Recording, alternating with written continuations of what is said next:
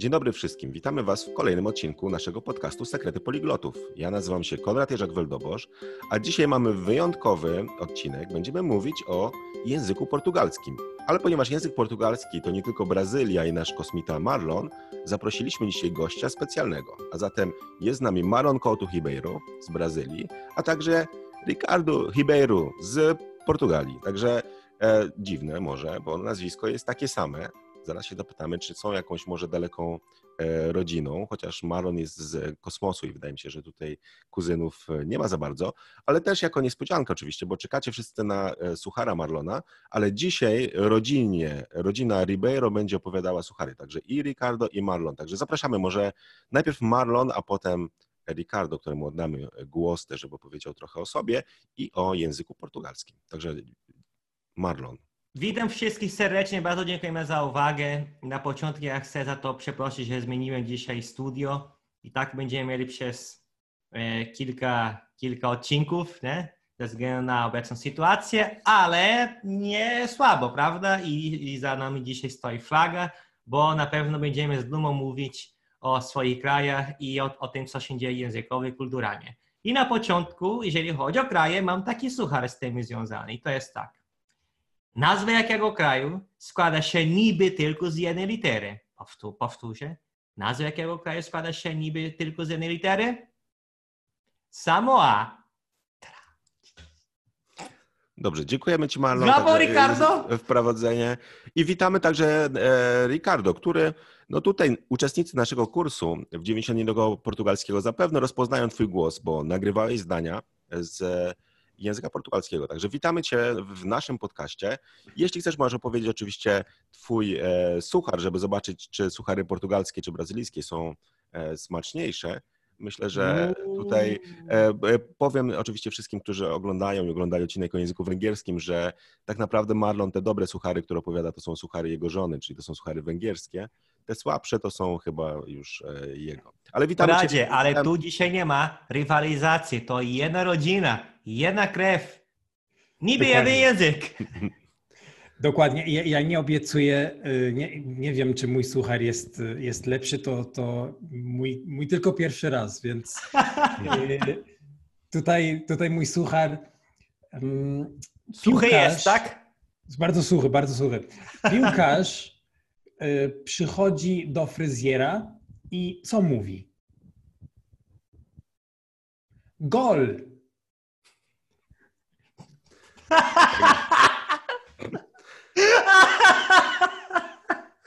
Znaczy, ja, ja, pomyślałem sobie, że to raczej nie jest brazylijski piłkarz, bo tam większość to nie ma, nie ma włosów, więc. E, e, tak, także wydaje mi się, że dzisiaj. E... Bardzo dobry gol! Ricardo! Gol! No przecież, to jest Portugalia, Brazylia, to uwielbiamy piłkę nożną, prawda?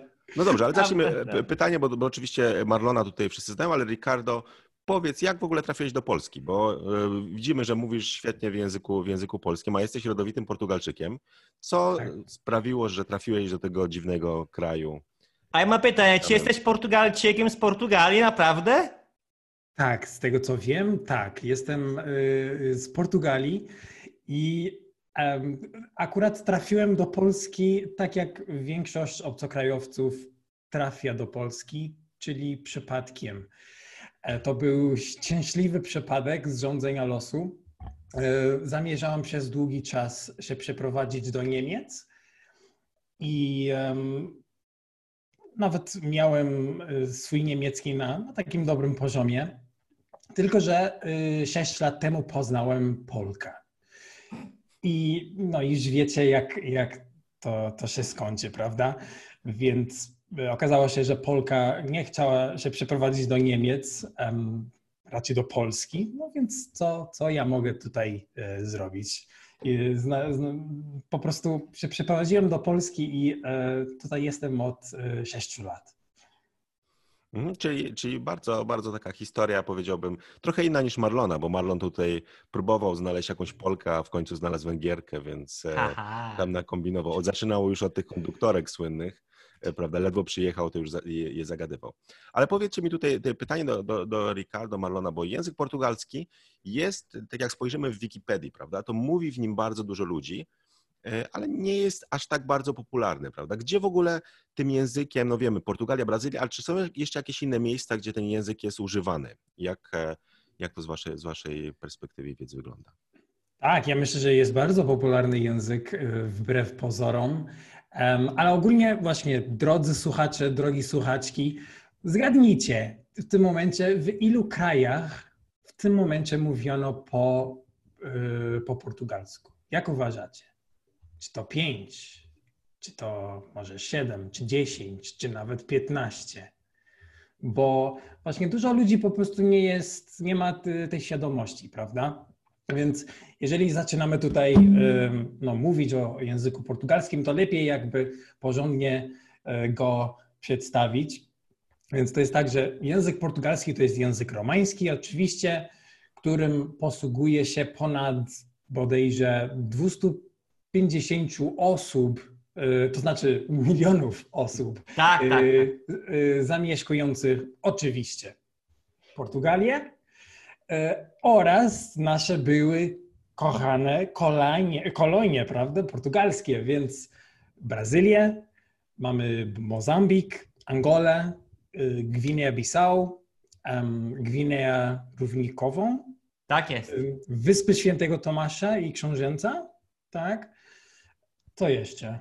E, Timor, Timor Wschodni. Timor Wschodni, Makao i Republika Zielonego, Zielonego Przylądka. Tak, tak Timor taki... Wschodni jest w Azji, tam blisko Indonezji. Tak, tak więc nie, niektóre, niektóre kraje w ogóle są ciekawe, bo e, ja znałem osoby z Wysp Zielonego Przylądka i oni się zawsze denerwowali, bo dopiero chyba od niedawna jest taka polska wersja, bo się pytali na przykład, e, jesteś, to masz wpisać na przykład, e, z jakiego kraju jesteś, jaka narodowość. Tam wypiszecie Portugalczyk, Brazylijczyk, a on musiał pisać obywatel Wysp Zielonego Przylądka, prawda? Bo nie było żadnego słowa w języku polskim.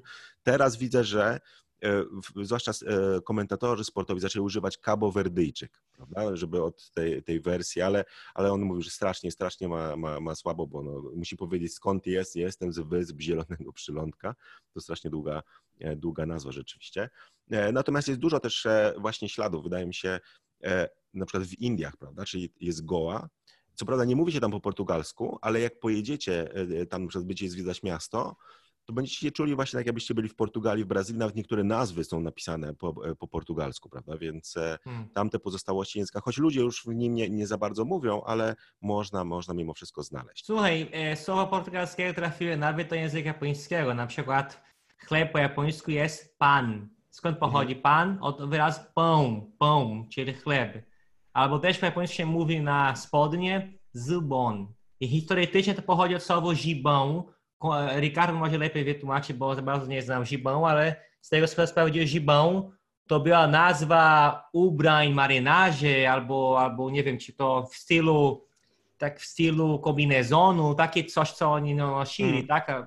I z tego Gibão robili tam w, w Japonii zubon i używają na, na, na jakby nazwa spodni, nie? Więc też z portugalskiego. I w Indonezji też, na przykład słowo garpu Garpu. Zgadnij, co to jest garpu, Ricardo? Garpu? Garfu, widelec? Tak, garfu, widelec. I to jest po, po indonezyjsku, ale to jest słowo zapożyczone i mają więcej. Mysa? Co to jest mysa po indonezyjsku? Jabłko?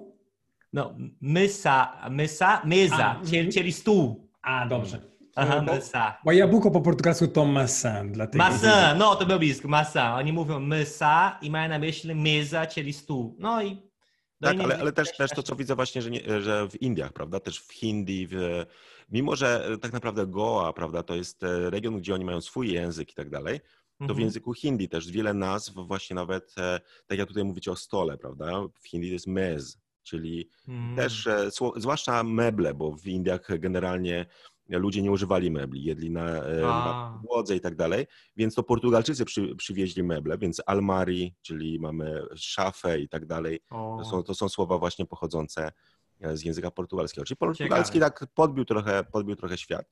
Teraz co prawda, i myślę, że to jest taka wielka, dzisiaj będziemy tutaj też o tym pewnie, pewnie rozmawiać, bo E, są te różne wersje, ale najbardziej popularne, takie jak w momencie, kiedy ktoś zaczyna się uczyć, to jest ta wersja europejska, bądź też brazylijska, prawda? I to jest taka chyba mini rywalizacja, jeśli chodzi o te wersje, no bo Portugalczycy jako, e, tutaj jak Ricardo mówi, że ten język właśnie wziął się od was, prawda, czyli wypłynął w świat, to jednak jest pewna, pewna rzecz, która jest też istotna, że jak mówisz o tych 250 tam milionach, czy, czy, czy mniej więcej tych liczbach, to te 200 milionów to są praktycznie Brazylijczycy, więc, mhm. więc ich jest najwięcej.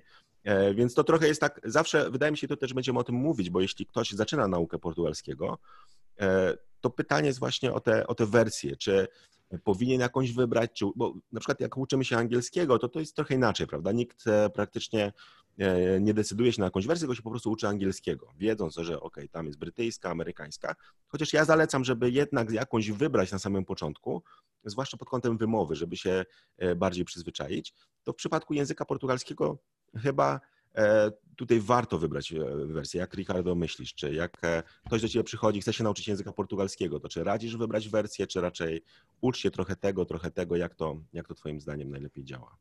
Tak, jak najbardziej. Myślę, że um, nie, nie, trzeba jakby utrudniać sobie rzeczy.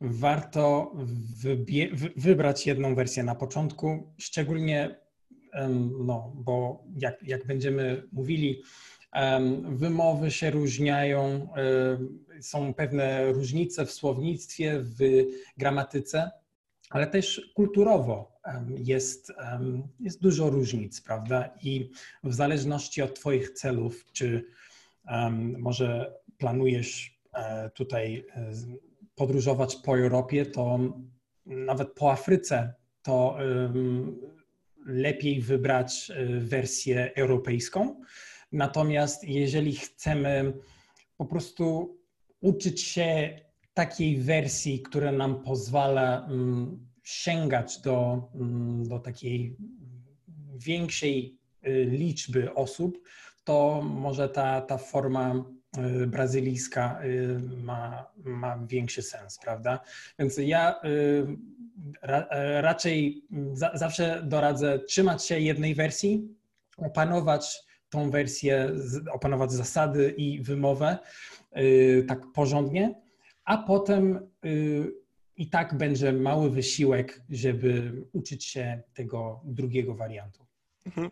ja nie wiem, jak, jak to jest z perspektywy cudzoziemca, który zna e, portugalski europejski albo portugalski brazylijski.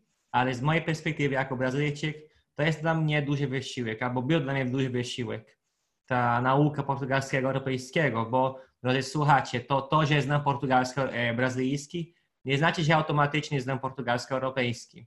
Ja tego się uczę, się uczyłem, dalej się uczę i muszę traktować jako język obcy, ale z taką zaletą, że, że, że rozumiem wszystko praktycznie, więc skupię się na różnicach, nie? czyli na, na wymowie, na słownictwie, które się różni. Ja sam, ja sam dla siebie sporządziłem na podstawie seri, e, seriali, które już po portugalsku oglądałem, na podstawie też strony, strony internetowe, ponad tysiąc słów takie wpisałem sobie tam do, do, do zeszytu, które się różnią między Portugalią a Brazylią i to nie są fachowe słowa, to są takie codziennie praktycznie. Oprócz mhm. tego idiomy też jest zwroty, e, które też się zmieniają, nie?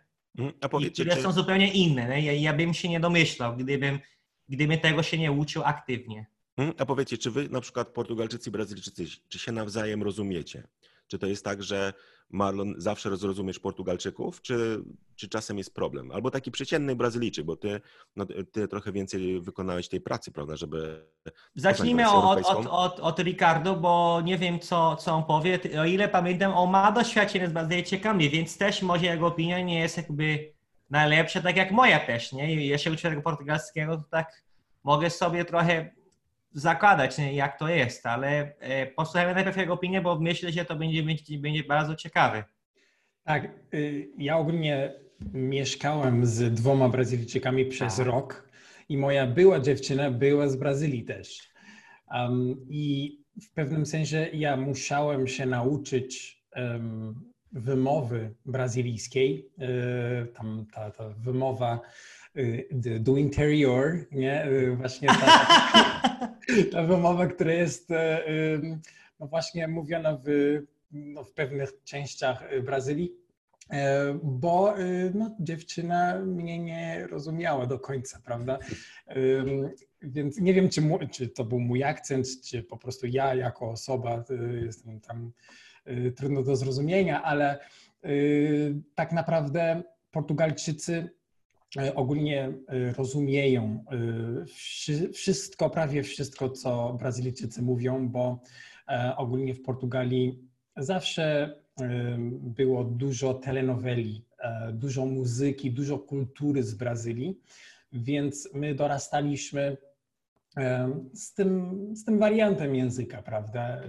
Więc to, to nie było, nie jest ogólnie dla nas problem.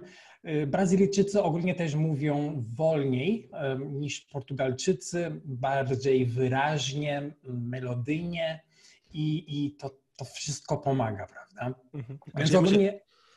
Tak, ja myślę, myślę, właśnie, że to, co mówisz, że e, na przykład Portugalczycy moim zdaniem bardzo połykają niektóre e, właśnie te nieakcentowane na przykład sylaby, prawda? I to jest z mojej perspektywy, ja zawsze też mówię uczniom, jeśli ktoś zaczyna przygodę z portugalskim, a nie może się zdecydować, no bo mieszka w Polsce, prawda, przyszedł mu do głowy pomysł, chce się pouczyć portugalskiego e, i którą wersję wybrać. No ja mówię, że, że tak, jak, tak jak wspominałeś, że jeśli masz na przykład jakichś znajomych z Portugalii, to wybieraj wersję portugalską. Jeśli chcesz podróżować do Portugalii, czy na Maderę, czy w jakieś miejsca, to ta wersja portugalska, europejska będzie ci bardziej dla ciebie przydatna. Ale wersja brazylijska jest trochę łatwiejsza właśnie w zrozumieniu i myślę, że to jest coś, co e, zazwyczaj e, to, co widzę, że tak jak mówisz, że tutaj ci Brazylijczycy ciebie nie rozumieli, natomiast ty ich rozumiałeś. Czyli najczęściej tak jest właśnie, że e, Brazylijczycy, myślę, że to też wynika z tego, że więcej Brazylijczyków chyba jest w Portugalii, bo dla nich Portugalia to jest taki, e, jak oni chcą na przykład przyjechać do Europy, to często docierają do Portugalii, bo jest łatwiej, bo jest e, język portugalski i tak dalej. Natomiast Portugalczyków w Brazylii wbrew pozorom nie jest aż tak dużo, prawda? Czyli, e, czyli też oni kiedy, teraz już jest internet, więc jest dużo łatwiej, prawda? Natomiast kiedyś nie mieli tak dużo kontaktu. Więc dla nich Portugalczyk to była ta, ta, taka rzecz dziwna. Ja pamiętam też w pracy, jak pracowałem w korporacji, mieliśmy ludzi z różnych e, krajów i sporo Brazylijczyków i e, też trochę Portugalczyków i mieliśmy jednego kolegę z Azorów. I on mówił w taki sposób, że nikt nie był w stanie go zrozumieć, ale on się czuł tak, że wszyscy go rozumieją, bo on też po polsku e, e, gorzej na początku mówił e, i zawsze się cieszył, o tutaj Brazylijczycy, sobie porozmawiam, prawda, i oni tak kiwali głowami, po czym mówili, my nie rozumiemy w ogóle, co on mówi. No I dopiero po jakimś czasie, ja też z nim pracowałem bezpośrednio, także byłem jego przełożonym, więc to było trochę, trochę ciężkie z początku, ale rzeczywiście dało się przyzwyczaić, więc też moja rada jest taka, że jeśli, tak jakby patrząc z perspektywy osoby, która jest Polakiem, prawda? Bo wy troszeczkę inaczej też patrzycie, prawda? Czyli e, dla was poznawanie tej drugiej wersji jest, to jest trochę coś innego. To jest jaka nauka języka obcego, to co Marlo może mówił, ale też nie do końca, prawda? Natomiast to, co ja radzę, żeby uczyć się jednej wersji, a drugą ewentualnie z drugą się osłuchać, bo też jak będziecie mówić tak jak, e, e, nie wiem, wersji brazylijskiej czy europejskiej, to ta druga strona, czy Brazylijczycy, czy Portugalczycy was zrozumieją, więc to nie jest tak, że będziecie mieć problem, prawda? Czyli jak ja e, bym powiedział w wersji brazylijskiej coś do Ricardo, to on by mnie zrozumiał, więc nie byłoby problemu takiego, żeby się uczyć specjalnie teraz wersji portugalskiej, chociaż jak jestem w Lizbonie, to próbuję tam zawsze e, na lotnisku zwłaszcza e, mówić tak jak Portugalczycy, żeby ale, dla, dla zabawy. Przepraszam, ja nie mhm. chcę być negatywny, ale są sytuacje, kiedy ludzie nie rozumieją, bo jeżeli słownictwo jest inne, nie da się domyślać, obojętnie czy wymawiasz to powoli, jak to wymawiasz. Jeżeli jest inne, koniec. Nie, nie, tak. ma, nie ma jak się rozumieć. I czasami, nie czasami, lepiej mówię, często takie codzienne rzeczy się zmieniają.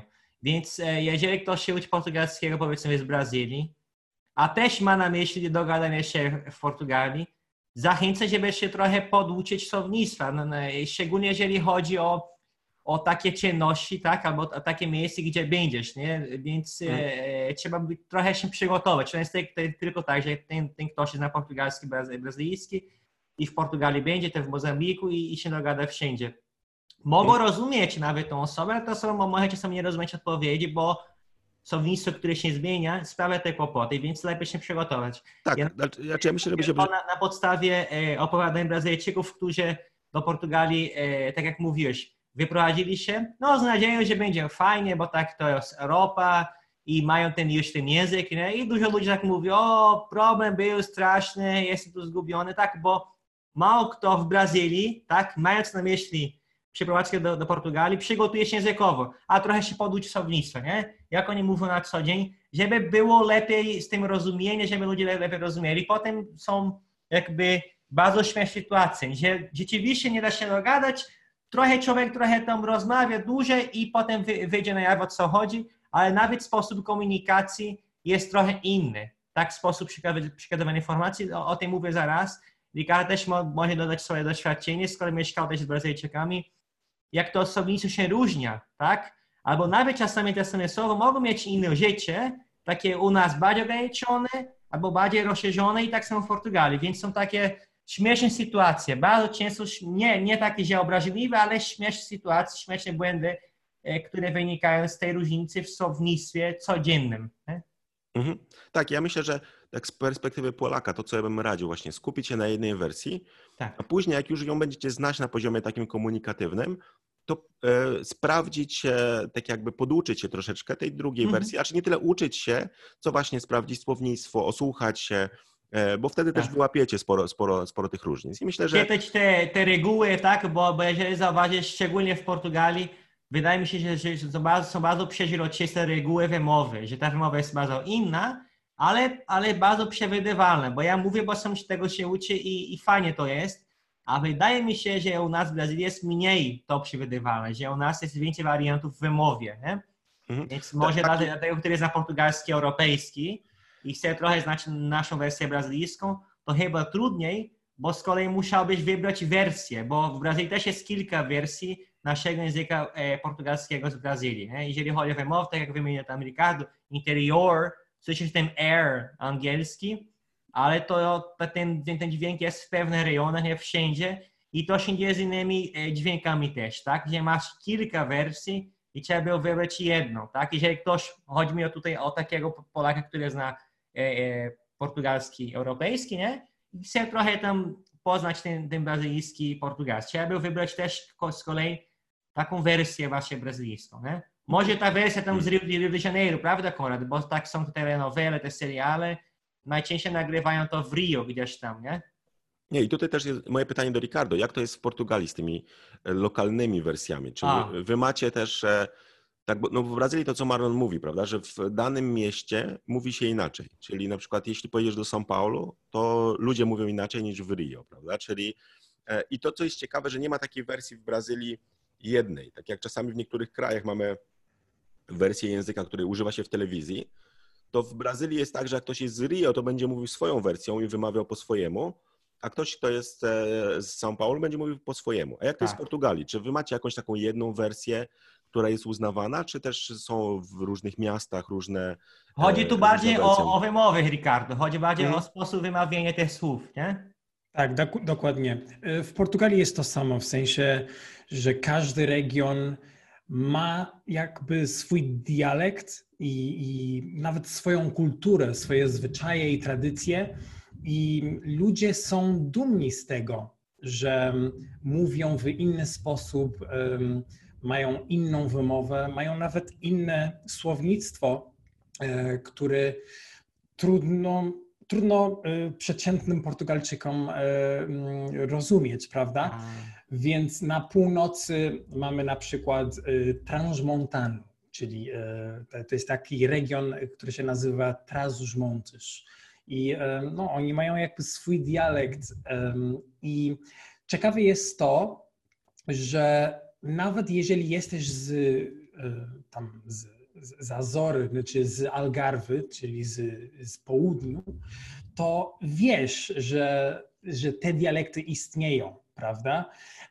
I ogólnie y, porówna, porównywając to do, do, do, do, Polski, jakby, no w Polsce są pewne dialekty jak śląski, góralski, kresowy, jest nawet język kaszubski i tak dalej.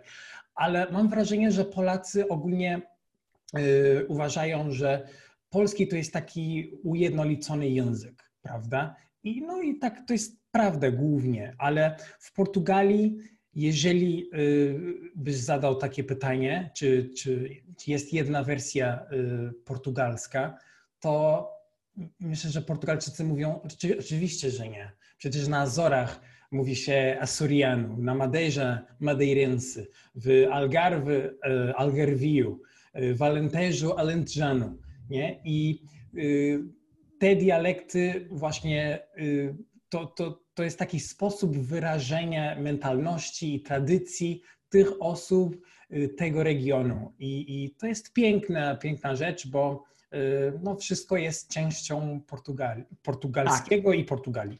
A ci ludzie się, się kłócą albo potępiają innych, którzy inaczej mówią, bo to się dzieje niestety w Brazylii i to wynika z nas, naszego systemu oświaty, edukacji. No, dużo o tym mówić nie da się, bo to jest głęboki temat, ale to się dzieje i to, to kiedyś, kiedyś ja też robiłem, ale się wyzwoliłem z tego sposobu myślenia, nie? że jak ktoś słyszy, powiedzmy, ja pochodzę z Pará, z północy, tak?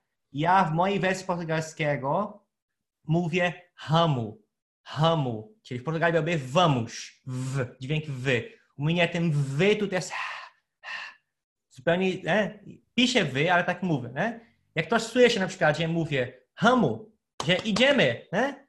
to pochodzi z innego rejonu, to może mówić, ty źle mówisz, nie? co ty mówisz człowieku, to nie jest hamu, to jest vamos, nie? mów po ludzku, nie? tak Brazylijczycy mogą tak robić, nie? albo kolejny przykład, mówię słowo caçar, caçar w Portugalii, to jest dosłownie polować, ale my na północy używamy jako szukać czegoś, szukać kogoś, nie?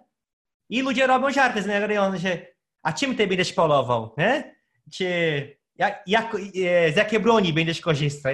I nie ma na myśli tego, nie? Więc e, jak to robią tam w Portugalii? Czy, bo mówi, że ludzie są świadomi, tak? I że są te inne dialekty, ale potępiają inne, czy, bo wydaje mi się, że u nas to wynika z tego braku świadomości, że ci, którzy mówią, tak się nie mówi, mów tak jak mówię, mają wrażenie, że ich dialekt jest po prostu jakby największą prawdą i, i tak trzeba by mówić wszędzie w Brazylii, nie? A jak jest u, u, was tam właśnie w Portugalii? Wiesz co, to jest, to jest ciekawe, to, to, to mówisz, e, co mówisz, bo w Portugalii myślę, że my doceniamy y, tą różnorodność hmm. między regionami. Więc um, jeżeli jesteś z Porto i pojedziesz do Alentejo na przykład, to nie oczekujesz, że osoby z tego regionu będą mówili y, tak, jak ludzie mówią w Porto, prawda? Hmm. Więc to też jest jakby część Mm, uroczystości, jakby część tej przyjemności podróżowania po całym kraju, że odkryjesz nowe dialekty, nowe tradycje, sposoby myślenia i, mhm. i, to, i to świętujemy, prawda? To, to doceniamy. Um, i, I tak naprawdę to jest tak, że może ewentualnie y, pojawiają się takie rywalizacje między miastami, y, tak jak między Krakowem a Warszawą, prawda? Więc między Porto a Lizboną to też jest e, coś podobnego, ale myślę, że to są takie żartobliwe dokuczanie, to, to jest nic złego, bo ogólnie w Portugalii myślę, że potrafimy śmiać z samych siebie, prawda? E, I to nie jest żadna krytyka, to nie, nie oczekujemy e, czegoś od, od tych osób, żeby się zmieniały, tylko tylko po prostu akceptujemy to, co jest i tak naprawdę doceniamy y, tą różnorodność. Mhm. A powiedzcie coś może e, trochę o tych różnicach między portugalskim, brazylijskim a europejskim, prawda? Bo to też tak jakby, żeby dać e, naszym słuchaczom perspektywę, e, generalnie tak jak my mamy nasze kursy w 90 dni, ja zrobiłem na język angielski wersję brytyjską i amerykańską do wyboru, no bo wie, wiemy, ludzie, którzy uczą się angielskiego, zdają sobie sprawę, że są różnice tam troszkę jeśli chodzi o wymowę, troszkę jeśli chodzi o e, słownictwo. Gramatyka jest bardzo, bardzo podobna. Są drobne różnice, ale, ale, ale nie tak duże. I, mamy tam listę zdań, więc tak naprawdę jak e, miałem e, Brytyjczyka i Amerykankę, którzy nagrywali też, dopasowywali te zdania do swojej wersji, to tych zmian między tymi wersjami nie było aż tak dużo. W większości chodzi o wymowę, prawda, żeby przyzwyczaić się do jednej wymowy, czyli jak ktoś mieszka w Wielkiej Brytanii, no to niech się osłuchuje z tym językiem brytyjskim. Natomiast w wersji języka portugalskiego, no to było już duże, duże wyzwanie, prawda, bo e, tutaj nie dało się nawet tak jakby zrobić kopiuj w klej, tylko te zdania tutaj e, razem z Marlonem, Ricardo tutaj przerabialiście, tak e, dostosowując je, nie tylko też do, kulturowo, prawda, żeby na, nazwy miast, regionów się pojawiały, ale tak naprawdę trzeba było bardzo dużo pod względem e, gramatyki pozmieniać, pod względem słownictwa i tak dalej. Czy jakbyście mogli opowiedzieć o tych, ja myślę, że takie trzy główne, e, może zacznijmy od wymowy. Jaka jest różnica, jeśli chodzi o wymowę między Brazylijczykami a Europejczykami. I też jak postrzegacie, bo wydaje mi się, że to jest, to jest też taki ciekawy temat, jak wy tę troszeczkę inną wymowę postrzegacie, jako ty jako Portugalczyk brazylijską, a Marlon jako Brazylijczyk portugalską. Czy mogę zacząć tak zrobię, że powiem o, o ich wymowie i Ricardo powie, czy się zgadza i też on coś powie tam o naszej wymowie, bo tak ty miałeś kontakt z nami, nie?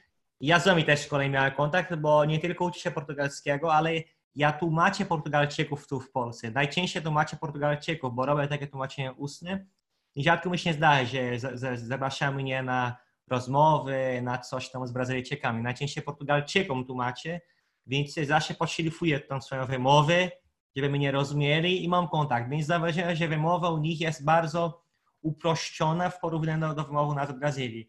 I, I, z tego powodu oni mają więcej zbitków spółgłoskowych, tak jak u was. Ne? szczęście. Po portugalsku to jest, ale z kolei, e, nie chcę zniechęcić, ale ta, ta pisownia jest, jest ta sama, więc to tak, to sprawia kłopoty uczniom, tak, że oni muszą trochę jak po angielsku. Tak pisać, inaczej mówić. Też Ricardo może mówić, jak tam, jak się dzieje z dziećmi w Portugalii, nie? jak tam oni uczą tego. Ja akurat teraz uczę małego Polaka, portugalskiego z Portugalii. On radzi sobie z tą pisownią, ma fajną wymowę, a, więc nie wiem, jak w Portugalii tam się dzieje, ale dam tu przykład. Ja kiedyś słyszałem, będąc w Portugalii, od Portugalczyka słowo asterisco. Asterisco. To chyba po prostu się nazywa gwiazdeczka. Ten taki znak, który wygląda na gwiazdę, to się nazywa gwiazdeczka. Gwiazdka, gwiazdka. Gwiazdka na telefonie, nie? Asterisco. I ja bym mówił po, po, po, po portugalsku asterisco, asterisco, né? Cztery sylaby. I gdy miał liczyć sylaby, to ja słyszę asterisco. Ja słyszę prawie dwie. Asterisco, asterisco, né? Więc widzisz tutaj tą, tą, jakby tą redukcję, tak słychać. Albo kolejny przykład. Też słyszałem to w Portugalii. Nie wymyślam. Wiadomo, że tak jak Ricardo mówi, są różne też opcje wymowy w Portugalii. Nie? To nie wiem skąd te osoby. Kolejne słowo, szklat. Dla mnie jest jeden sław. Szklat szklat. O, Chodzi ci o czekoladę, tak? Tak jest, aha. Słyszysz? Szklat. Okay. I to ty, ty, ty mówisz jak Ronaldo, wiesz? Y, A? Y, mówisz jak Ronaldo, bo Ronaldo, wiesz, on jest z Madeiry. O! ma taki dialekt, który jest bardzo taki, to jest język, ogólnie język portugalski, europejski to jest język szuszania, prawda? Aha. Ale za to. Ale właśnie ludzie z, z wysp, no, tak mają inny poziom tego szyszenia. A, okej, okay, no. Że ty replikujesz właśnie te, te, te, osoby, ale tak. No więc jak mówię, jak mówię po portugalsku, ja mówię w taki sposób. Ja jak wysyłam ci wiadomość głosowe, Ricardo, ja za bardzo nie mówię tak, ja mówię po portugalsku, takie na, na łatwiznę, na luzie, ale szklat. Szklat, czyli u nas... Ja bym powiedział szukulat. O, to już masz taką lepszą wymowę, tak wyraźną, nie? Tak. A ja teraz powiedział... jak mówię portugalsku, tak mówię. I ja tak bardzo skracam, jest mi to wygodnie i, i nawet Portugalczycy mnie pytali. A czy ty, ty jesteś Rosjaninem? I tak się cieszyłem, bo tak, uuu, nie wyczuwali, że jestem z Brazylii, to ja z Rosji pochodzę. Da, da, Rosjanin. A co myślałem, chyba ja mam akcent polski, chyba dlatego myślę, że jestem z Rosji. Więc ponownie, szokolaci, czyli szokolaci. I zauważcie, szklat. Masz ten twardy ty, czyli mają ty, dy, a my mamy bardzo często dzi, nie? Oprócz tego po, po portugalsku ma taki a. Jak, jak, nas oglądacie, widzicie tutaj a, nie a, trochę zamknięte usta, a. Na przykład wyraz banana, banana, banana, czyli banan, a my mówimy banana, bardzo nosowe i otwarte a, nie? banana, czyli mamy większe, więcej takich dźwięki głosowe i taki A otwarty, a mają bardziej zamknięte. Kolejny przykład, portugalski ma taki, prawie taki polski Y. My nie mamy w Brazylii. E, słowo chłopczyk, nie? Menino. My, nie? Taki my, menino. Nie? Albo niektórzy mówią menino, taki mny, tak jak mnóstwo połączone, nie? Menino. Albo menino. Albo na końcu słowa masz taki Y napisane, tak? I bardzo często to Portugalii brzmi trochę jako y też z kolei, tak jak leit, leit, ne? Mleko? Leity. Leity. Leity. Słyszysz tam na końcu, prawie taki polski y. My w Brazylii tego nie mamy za bardzo. Dla nas to jest i, ne? Leici.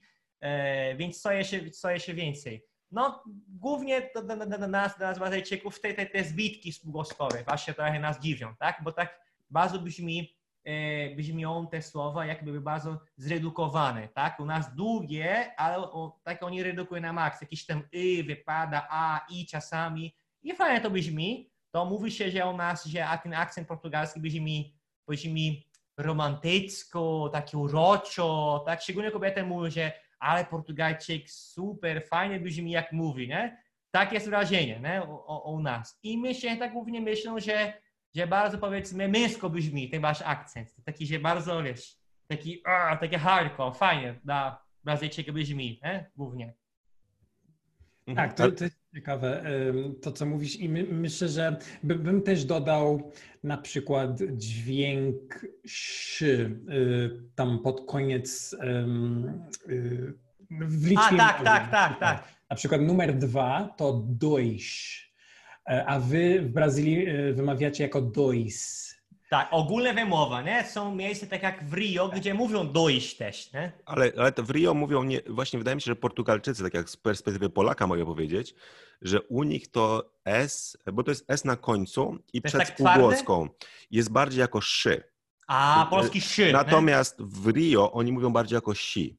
Tak, to jest prawda. My generalnie w Brazylii mamy, mamy w ogóle si. Każde, każde CH napisane to jest si, si. Nie? Tak, tak, że to jest bardziej si brzmi niż e, e, szy, czyli w języku portugalskim jest trochę twardsze. Ja tak trochę y, patrząc tak z, e, z perspektywy Polaka, taka rada, jeśli ktoś chce rozróżnić, czy to jest język, Brazy czy Brazylijczycy mówią, czy Portugalczycy, wiecie, że mówią po portugalsku na przykład, a nie wiecie w jakiej wersji, to właśnie słuchać tego szy, bo w języku portugalskim będzie go więcej. Zazwyczaj Brazylijczycy używają sy, chociaż szy też może się pojawiać, prawda, ale bardziej jako si. I druga rzecz to, co zauważyliście być może z tą czekoladą, prawda, czyli w Brazylii będzie szokolaci, czyli ci, będzie dużo ci i dzi. I pewnie Ricardo też to zauważyłeś, że oni strasznie tak zmiękczają to wszystko i myślę, że Brazylijczycy mają problem ze zbitkami spółgłosek. Portugalczycy dużo tak. lepiej wymawiają na przykład słowa z języka angielskiego, które trafiają. Czyli tak. na przykład e, Ricardo, jakbyś powiedział internet po portugalsku, to w jaki sposób ty, ty mówisz? Um, internet. Mhm. A jak mówi Brazylijczyk e, internet? Interneci. Wszystko musi być sylabę. Interneci. Albo taka, taka marka. Microsofti. Microsofti. Co to jest Microsofti? Microsofti. Tak, albo, albo WhatsApp, jak mówią, WhatsApp. WhatsAppi, WhatsAppi. Tak, tak. Wszystkie są różne, tak, że i każdy jeszcze, oni łamią sobie też e, język bardzo często. Albo na wersje... przykład święty papież tutaj z Polski, jak my nazywamy w Brazylii? Karol Wojcila. Wojcila, czyli Wojtyła, nie? Jego nazwisko? Wojcila. Skąd to? Nie, ja, ja to znam bardzo dobrze, bo moje imię Konrad, Brazylijczycy najczęściej mogą, niektórzy wymawiają jako Conrado, czyli to wersja ta portugalska tego imienia, ale w większości mówili Conradzi czyli w ogóle zero e, podobieństwa, prawda? Ja bym mówił Konradzi, jeszcze sylaba, jeszcze akcent na H, Konradzi. Jak mówię do rodziny o tobie, bo opowiem o tobie, to mówię, a mój kolega Konradzi. Tak, tak, czyli, czyli to też widać właśnie od razu, ale słychać to dzi i ci, prawda? To jest takie I ten dźwięk nocowy, kon. Mhm, tak, tak, że przez... Kon, konradzi, mamy H, nie H, H. Mhm, tak. A natomiast Ricardo, opowiedz właśnie, jak, jak ty postrzegasz tych Brazylijczyków mówiących, ta ich wymowa, czy co ciebie zaskakuje, może... E, może Albo co, co go rozśmiesza też, bo to tak, jest prawda. Tak, to, to y, czasami zdarza się razem, prawda? To jest i śmieszne, i zaskakujące jednocześnie. E, więc e, no zdecydowanie te dźwięki nosowe, że wygląda na to, to znaczy brzmi tak, że, że oni no, nosem e, właśnie wszystko wymawiają. Jakbyśmy mieli zakatazieni. Tak, to jest właśnie taka informacja też, bo jak Marlon mówi po polsku, to czasami przez nos, więc to nie znaczy, że jest chory. On po prostu tak ma. Dziękuję. No właśnie, więc nawet nie, nie muszę tutaj podać przykładu. ogólnie też e, ta melodia, prawda, bo e, my, myślę, że Portugalczycy, e, my mamy konkretną melodię, ale jeśli chodzi o ton, to jest całkiem regularne, prawda? Natomiast Brazylijczycy mogą mówić w różne sposoby i jakby podkreślać różne sylaby, żeby wyrażać pewne emocje. Tak, to się nazywa zaciąganie po polsku. Zaciąganie, ale u no nas zaciąganie istnieje i ma, i ma e, rolę, tak ważną rolę, bo po polsku zaciąganie jakby nic nie znaczy, tylko znaczy, że masz akcent danego rejonu i tyle, prawda Konrad? Bo was za, zaciąganie nie jest ważne, że ma pewną rolę, że stosujesz ty, ty raczej... jako mówiący e, po polsku z Warszawy, a teraz musi zaciągać, żeby to podawać, nie? Żeby tak, znaczy, ja myślę, że w języku polskim teraz, bo, bo, przed wojną, kiedy ludzie mniej podróżowali, mniej mieli radia, telewizji i tak dalej, były rzeczywiście różnice dużo większe, prawda? Czy jak ktoś był z Warszawy, to było wiadomo, że jest z Warszawy, prawda? Teraz już ciężej, e, czasami można rozpoznać po E, bo słownictwo jest praktycznie takie samo. Tam pojedyncze słowa, tam, e, e, no nie wiem, jak ktoś jest z Łodzi, z Warszawy, to może tam bilet miesięczny nazywać migawką i tak dalej. Ale to są jakieś takie słowa, których nie używacie na co dzień, prawda? To może wyjść gdzieś tam w rozmowie. No wiadomo, najsłynniejsze te nadwór, na pole, prawda, i tak dalej.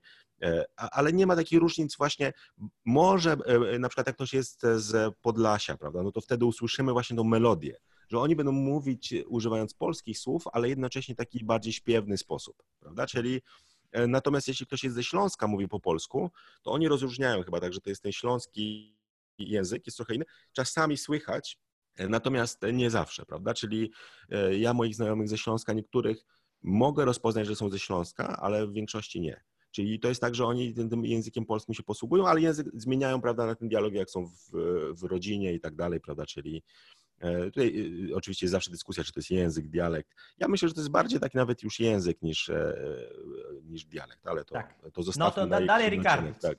Oprócz melodii, tak, właśnie to Tak, oprócz melodii, myślę, że nas, y, jest dla nas bardzo ciekawe właśnie te różnice, jak wy używacie tego języka, bo my, my na przykład w języku, w odmianie europejskiej rozróżniamy te zaimki osobowe ty i pan lub pani, prawda? I oczywiście, że używamy y, formy ty z najbliższymi osobami, czy, czy e, może z, z młodszymi, ale w Brazylii jest tylko jedna forma, prawda? Tak jak w języku angielskim. I, i to jest ciekawe, to wydaje nam, wydaje jakby Portugalczykom, że, że po prostu wszystko jest tak luźne tam w Brazylii, no nie? że oni nie czują y, tej potrzeby, żeby rozróżniać y, tę formę e, i, i to jest ciekawe zdecydowanie.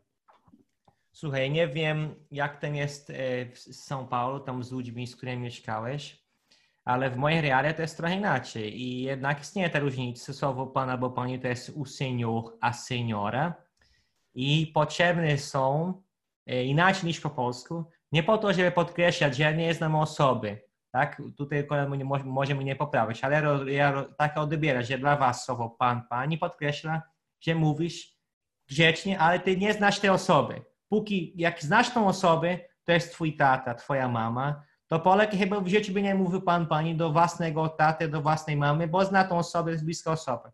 Dla nas z kolei u seniora nie znacie tylko to, że ja nie znam tej osoby. Znacie, że ja nie znam, że mówi grzecznie, ale przekazujesz szacunek tym wyrazem.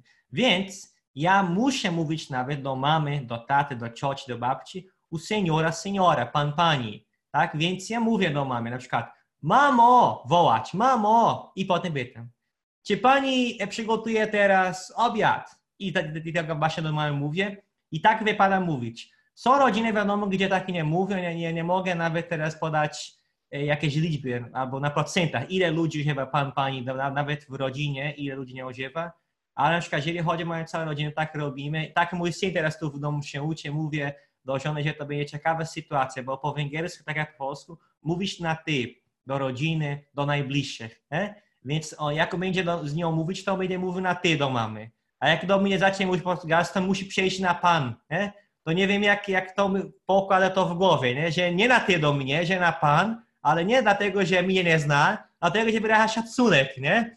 więc to jest trochę taki inaczej. Ale I oprócz Marlon, tego... że, że po polsku też e, mieliśmy, do tej pory jest często stosowane, że znaczy nie, nie używamy nigdy pan, pani, natomiast używamy e, innej formy. Nie mówi się, ja na przykład do moich rodziców się zwracałem, mamo, czy możesz i tak dalej, czy tato, ale na przykład moja mama do swoich rodziców zwracała się, czy mama może, czyli używała trzeciej osoby, nie drugiej. A. Czyli też był, wydaje mi się, że to było takie jakby odpowiednikiem, prawda, że nie używała pani, ale używa słowa mama. I często też, to, to co ja widzę na przykład, że e, podobnie używamy na przykład w stosunku do wujków i cioć. I teraz o. zależy, jak blisko jesteśmy tej osoby, czyli to jest tak jakby na zasadzie nie szacunek właśnie, ale e, czyli w języku polskim to nie jest szacunek, ale to jak dobrze znamy daną osobę. Czyli jak ja na przykład mam jakiegoś wujka, którego dobrze znam, e, to powiem wujku, czy, czy możesz przyjść na przykład, prawda?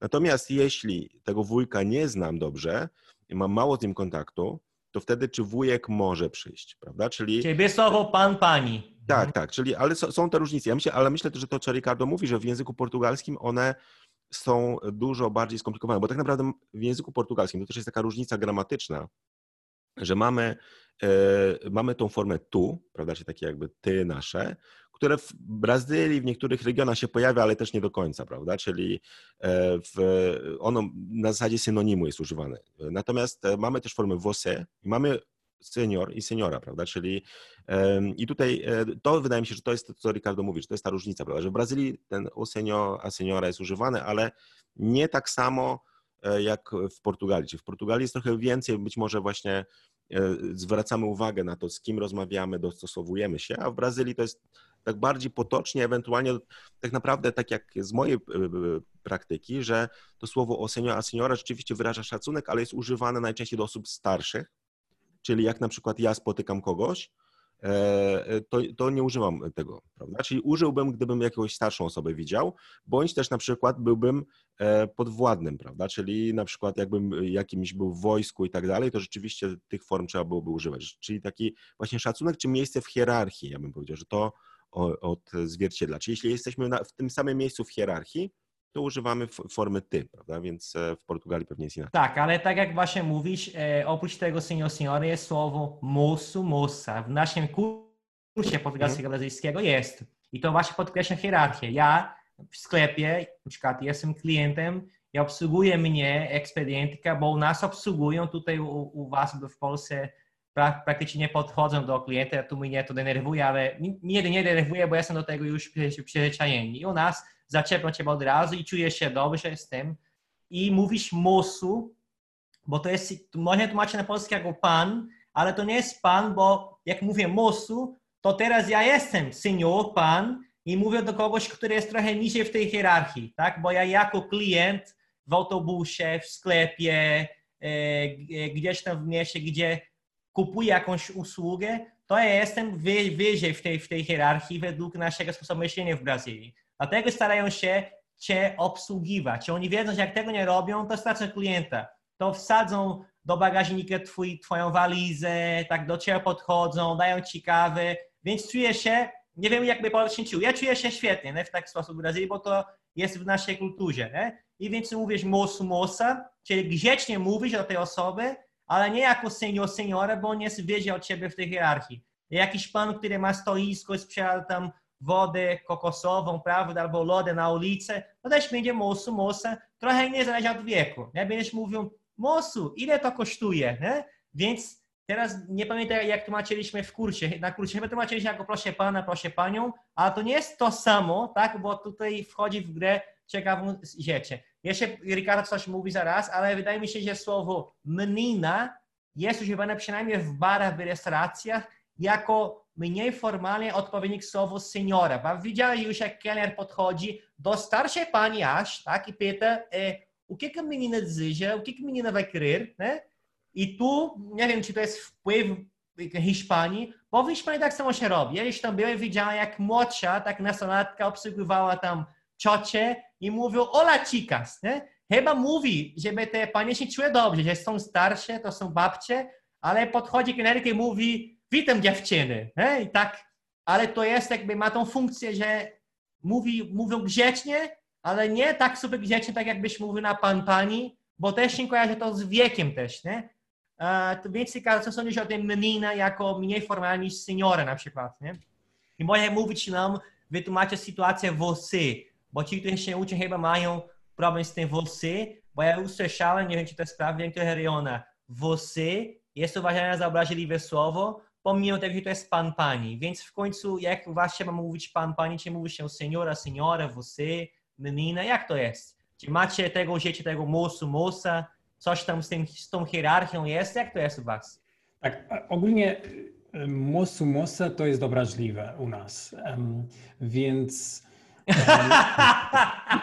um, ogólnie... Y, Czyli mamy przerobane, tak? Mosu! Tak, nie, nie, nie rób tego.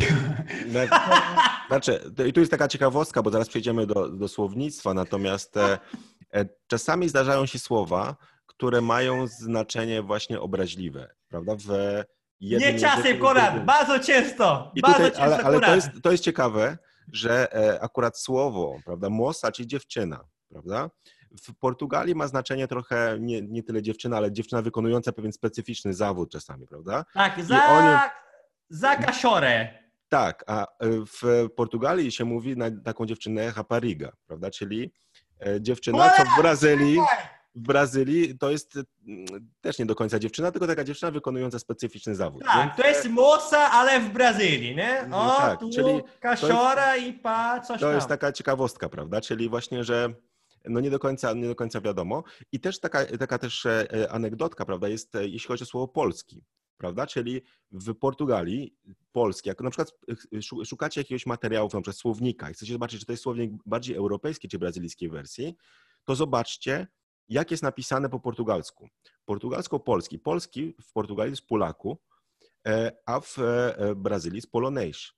I teraz w Brazylii wymyślono słowo Polonejsz, bo też było oczywiście e, słowo Polaku, ale tam zaczęło być używane negatywnie na Polaków, czyli tak bardziej... Szczególnie na południu Brazylii. Tak, tak, tam, tam gdzie dużo było Polaków, dużo, dużo było naszych imigrantów i oni zaczęli się denerwować tym, że nie mogą powiedzieć jestem Polakiem, bo to jest jakieś negatywne słowo, prawda? Więc wymyślili sobie słowo kopiując języka francuskiego polonais, prawda, czyli o, to weźmiemy, tutaj mamy tak jak polones, prawda, nasz, nasz taniec i samochód, prawda, i wzięli to słowo i zaczęli go używać, więc tutaj też można łatwo rozróżnić, prawda, że Brazylijczycy będą używali tego słowa i oni wprowadzili je do języka tak naprawdę. Natomiast o Ricardo, Portugal... E, daj mi to wytłumaczyć szybciutko. Tam na południu, e, gdzie osiedlili się Polacy, którzy wędrowali z, e, z Polski do Brazylii, to jest, to jest na podstawie opowiadania Brazylijczyków z południa, już z nimi rozmawiałem na, na, ten temat. Mówili, że bardzo często Polacy trafili do miast, gdzie już mieszkali Niemcy. Niemcy trafili wcześniej i patrzcie, jak to jest los, nie? Ludzie uciekli tu z Europy, z Polski i tam siedzą w Brazylii i za płotem jest sąsiad. Brazylijczyk? Nie, Niemiec. Boże, co się dzieje, tak? Prawda. I ta sytuacja po prostu e, e, jakby sprawiła to, że bardzo dużo ludzi tam, bardzo dużo ludzi z Polski nie mogło się odnaleźć, tak? Bo byli po prostu zdenerwowani tą sytuacją, tu Niemcy i tak dalej, bo nie da się ukrywać. Była taka nienawiść, było to uzasadnione w tamtych czasach jak najbardziej, więc ciężko im było po prostu się zgadzać z tą społecznością, która przejęła tych Niemców i tak dalej, więc bardzo dużo e, Polaków zaczęło tam pić, nie przyjęli pracy, do pracy e, niektórzy, niektórzy się nie udawali, ciężko im było uczyć się portugalskiego w ogóle, po jakimś czasie nawet już nie mówili po polsku, ani po portugalsku, jest taka mieszana, więc ani Polacy ich rozumieją do dzisiaj, ani Brazylijczycy do końca, więc nawet są takie, są takie akcje społeczne, pracy społecznej, żeby pomagać tym ludziom, bo dalej mają swoje pokolenie, niektóre mają problemy do dzisiaj. Więc słowo Polaku się kojarzy na południu z taką osobą, która nie chce pracować, która jest ciągle pijana, która nie jest poważna, więc mówią do wszystkich, tak? To jest używane jak, a, to jest jakiś Polaku, nie? o każdym, obojętnie skąd pochodzi. Więc dlatego właśnie to na południu szczególnie nie mówi się Polak, mówi się od razu Polonais, w innych rejonach też, ale Brazylijczycy mieszkający za granicą bardzo często, szczególnie, że znają polski, będą mówić Polaku. To mnie trochę denerwuje, bo to jest dla nas brzydkie słowo, ale moi rodacy tu w Polsce mówią Polaku. Przestają mówić Polonais i mówią Polaku pod swoim słowo Polak. Nie?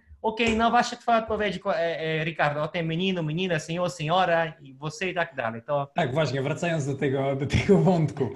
Um, ja myślę, że dla Polaków łatwiej um, jakby przestrzegać tak, że są trzy główne stopnie grzeczności, prawda? Mm. Więc masz ty, masz você, a potem masz u senhor lub a senhora, A, prawda? I, i tak naprawdę, e, no, i, jeśli chodzi o, o, o różnicę między você i u senhor, to to jest tak, jak Konrad mówi, no nie? że jeżeli e, to jest, no, rozmawiasz z starszą osobą, to mm, zazwyczaj używasz tego trzeciego stopnia mm, mm, grzeczności, bo, no, bo za- zależy ci na tym, żeby pokazać y, tą grzeczność, ten szacunek, prawda? Em, Jeśli chodzi o meninu, y, to znaczy meninę tutaj, y, to rzeczywiście menina to jest młoda, młoda dziewczynka, prawda? Y, Taka młodsza dziew- dziewczynka i to jest taka to, to jest właśnie grzeczne, y, to jest taki sposób, żeby sprawiać, że kobiety, y, kobieta, z którą mówisz w danym momencie, czuje się no, tak dobrze i, i ona nie jest jednak aż tak starsza, E, więc po prostu możesz, możesz do niej zwracać jako menina, a nie você lub a senhora, prawda? Więc to jest taki Są, s- y, m- możemy tutaj y, mieć dwie opcje. Em, Możemy pokazać dużo szacunku i używać a signora, ale to też jakby insynuuje się, że ta osoba jest starsza, no i tak naprawdę czasami jest starsza, wiadomo, nic złego z tym, E, ale no, jeżeli to jest starsza osoba, która bardzo dobrze znasz, to no, myślę, że miło jej będzie, jeżeli używasz zwrotu menina, prawda? To samo jest taki zwrot jovem, to, co oznacza młody i to jest używany y, z, z młodymi ym, y, mężczyznami, czyli może do 40 lat. Jeżeli jakby jakoś młodo wyglądają, prawda? To żeby nie używać zwrotu u senior, to, to no, rzeczywiście może być obraźliwy, bo tak naprawdę jak ktoś ma 40 lat, to stos- stosunkowo y, młodo wygląda, to możesz używać y, tak? To, to, to jest wciąż grzeczny na poziomie você, y, ale bez tego, no, bez tego stygmy, że to jest taki, no, tak, taki zbyt grzeczny. Tak, więc to, to są takie sposoby, żeby wykazać sympatię, żeby jakby, jakby udzielić y, komplementy i, i, i tak naprawdę ludzie używają tego na co dzień. Mhm. A powiedzcie mi, e, jeśli chodzi o słownictwo. Czy e, tych różnic jest dużo? Na, na pewno no to jedna taka, taki obszar, gdzie te różnice są olbrzymie, to są środki transportu, prawda? Czyli tramwaj, autobus, e, pociąg. Ja To są stworzyłem sło- taką, taką małą listę tutaj. To, to na, na pewno też Ricardo widzi. Możemy omawiać te, jeżeli on nie chce, to też może dodać tam swoje. Tak, ja też mam y, bardzo ciekawą historię, y, śmieszną, więc y, chętnie y, Okej. ją opowiem potem. Mhm. A na przykład bisie. Tak, Bisze. Gdy wypowiemy je w, w Europie, to Portugalczycy pomyślą, że chodzi o kolejkę, na przykład do kasy. Tak? Y, Brazylijczycy natomiast usłyszą pejoratywne określenie na homoseksualistę. Tak jest, tak jest. A file. Czy też mówicie file? Tak, chwilę to jest dla nas y, kolejka, ale to wiesz, raczej. Ale czy sądzicie, sądzicie, czasami macie dwa, dwie opcje pod wpływem naszego portugalskiego? Bo ja Tak, mam bo- taką teorię. Wydaje mi się, że czasami teraz macie dwie wersje na to samo, bo tak to słownictwo brazylijskie przyjęło się u was, bo to jest portugalski dalej, czy to, to, to, to, czy to nie z tego wynika? Nie, niekoniecznie. Ja myślę, że jest em, spora różnica między Porto i Lizbonem, tak? A, okej. Między północem em, a południem. Dobre. E, Ja bym powiedział, że bisze się używa na północy częściej, e, file w Lizbonie, ale y, możemy dobrowolnie używać. Okej. kraju. A kolejny przykład, je- e, jak mówisz e, bankomat, Multibanku. okej, to my mówimy kajsia automatyczna albo samo kajsie. A dla ciebie kasa- na- napisałem tutaj, na mogę zapytać, wypłacić pieniądze, jak, jak na to mówisz? Levantar dinheiro. Aha, no my mówimy sacar dinheiro. A sacar u was to znaczy sacar? Sakar to, za, to prawie jakby ukraść albo...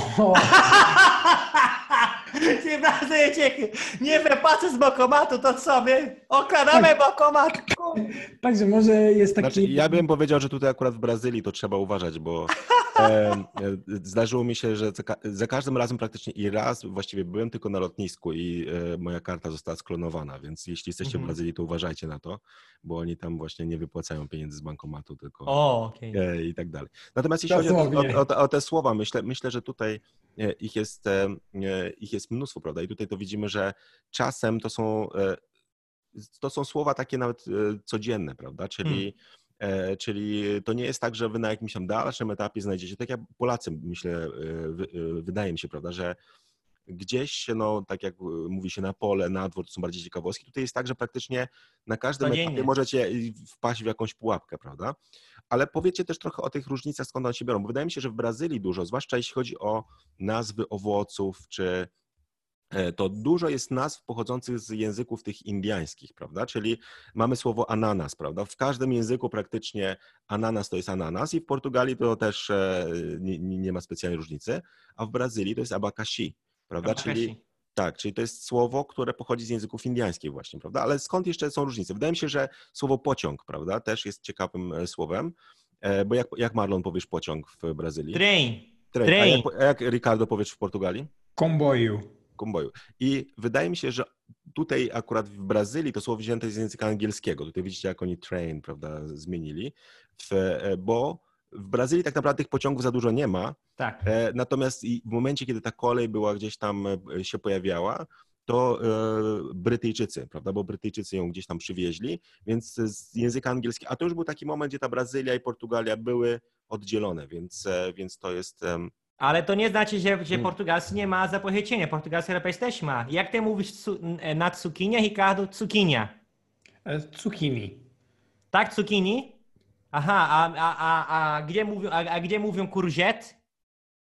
A no rzeczywiście, kurżety też, też się mówi. No. No bo to jest wzięte z, francuskiego niby, mi się wydaje. A my mówimy abobrinha, bo pochodzi od słowa abobura. Abobura to jest dynia i my porównujemy. I w ogóle w Brazylii jest taka tendencja, aby nazywać nowe rzeczy nieznane, e, a, albo nadawać taką nazwę czegoś, co my mamy, ale dodajemy jeszcze jakąś, jakąś słowo. Na przykład tutaj mamy abobura i zdrobnienia abobrinha tworzy cukinię, czyli mała dynia, tak? Tak samo wszędzie jest limonką i cytryna. My na to wszystko mówimy limonka, tylko że jest limão, czyli to jest cytryna, a druga jest limão verde lub limão Tahiti. Ja znam raczej jako limão Tahiti, a Konrad zna jako limão verde, czyli dosłownie zielona cytryna. I my bardzo często tak robimy, że zamiast powiedzieć słowa, dajemy znany nam wyraz, ale jakieś dodatkowe słowa, bo trochę podmieniamy to, co mamy. Abobra, bobrinha, limão, limão verde, nie? Eee, tak? Lody, jak, jak mówicie? Mamy- Słucham? Lody. Lody, a mówimy sorweci. I dla nas obojętnie, wszystkie sorweci to sorweci, a w Polsce jest takie, jest rozróżnienie jednak, nie? Lody i sorbet. Dla nas wszystkie Tak. sorweci, a dla was e, używa się, i też istnieje słowo sorwety, bo gelado to jest to, nie? Gelado to lody. Żelad, żelady to lody. I nawet mi się kojarzy lody. Lody, gelado. Masz ten lado jako lody, nie? Tak jest. I jak i żeladu to też jest um, zimny. To, to oznacza Tak, zimny. ale, ale słowo sorbet w ogóle coś znaczy? To jest po prostu sorbet, czy to nie ma tego, tego wyrazu? Ym, W, w, w- języku portugalskim u nas, wiesz co, y, nie sądzę. Y, Teraz, y, teraz mnie, zagięłeś, ale nie jestem pewien tutaj. Nie, myślę, że myślę, że po prostu żeladu i i tyle. Na wszystko. A powiedzcie, czy, czy różnice w pisowni też, bo kiedyś było tych różnic dużo więcej, wydaje mi się, że jednak e, gdzieś jest jakieś takie, taka chęć e, e, sprawienia, żeby ten język portugalski był jednak jednym językiem, co pewnie nigdy się nie zdarzy, bo tych wersji jest za dużo i one za, za bardzo się różnią, ale wydaje mi się, że była taka próba dostosowania pisowni trochę, żeby, żeby ta Tak. pisownia portugalska i brazylijska zaczęły się przypominać, ale są chyba jakieś różnice cały Tak. czas. E, Także jakbyście mogli może Ricardo... Po pierwsze, niektóre literki, które są pisane, nie są wymawiane, e, już nie są pisane, ale u nas zostaje, bo są wymawiane. Na przykład e, kontakt to jest kontatu, bez tego k, kontatu, ale skontaktować się to my mówimy kontaktarsi, kontaktarsi. Tam jest c wymawiane jako ki, więc możemy mówić kontaktarsi com alguém. I chyba w Portugalii nie piszą tego C, bo oni sami mówią kontatar, prawda? E, no, e, no, Ricardo. no. Kontaktarsy. A, czyli e, i mówicie kontaktu też? Tak, mówimy kontaktu. W tym przypadku tak, ale na przykład my nie mówimy recepcją, y, czyli przychód. MP, recepcja też, albo recepcja. Recepcja, recepcja, tak. Wie, my, my mówimy bez P, y, bo wymawiamy recesją. I przez to, że, że nie wymawiamy y, tego P, to też nie piszemy go. Już, bo, bo kiedyś nie pisało, nie? A my Dokładnie. piszemy go, bo dalej my wymawiamy tylko, tylko jako pi, jakby napisane PI. Recepção, czyli masz tam tylko P, ale wymawiamy PI. Ale a propos e, akcentowania takich znaków graficznych, jest różnica. Na, e, napisałem tam, dla ciebie chyba tam widzisz, taki kapelusz, tak? U nas mówimy na, na to chapeuzinho, a czy to jest nazywane grampinho u was, czy to, to coś innego?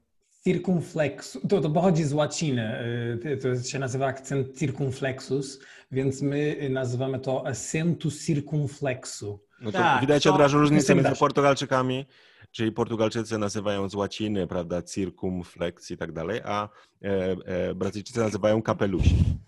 Tak, tak, tak, chapeuzinho. Jest, co ty się śmiesz. Chapeuzinho, tak, ale Polacy mówią daszek. Moi uczniowie mówią daszek. Dla mnie ciekawe skojarzenie. Ja widzę tam kapelusz. Polacy widzą daszek. A ty, ja- jak na to mówisz? Ja, czy ja różnie, to zależy. A czy też e, Ale ty, jak to uważasz? Bo tu Polacy mówią daszek. Daszek myślę, że to jest, e, czy e, akcent. Bo taki coś, właśnie, nie? Tak, tak. Czyli, e, na tak, pewno i nie, właśnie nie to są, bardziej. osoby, są osoby, które stosują to w piśmie u nas, a w Portugalii jest, jest taki, taki znak, tak, taka kreseczka, nie? Taka kreska. Mhm. Sama, ale cię w mowie z inne, wymawiamy na przykładu Polska. Ja mówię Polonia, a ty? Polonie. Czyli taki O, bardziej czy O? O otwarty, taka czysta sama. Polonia. A drugi przykład? Fenomenu, bo tam też mamy kapelusz. Fenomenu. A ty jak ty mówisz? Fenomenu. Fenomenu. A kolejny przykład, e, to napis- napisałem. Ge- czekaj. geniusz na przykład.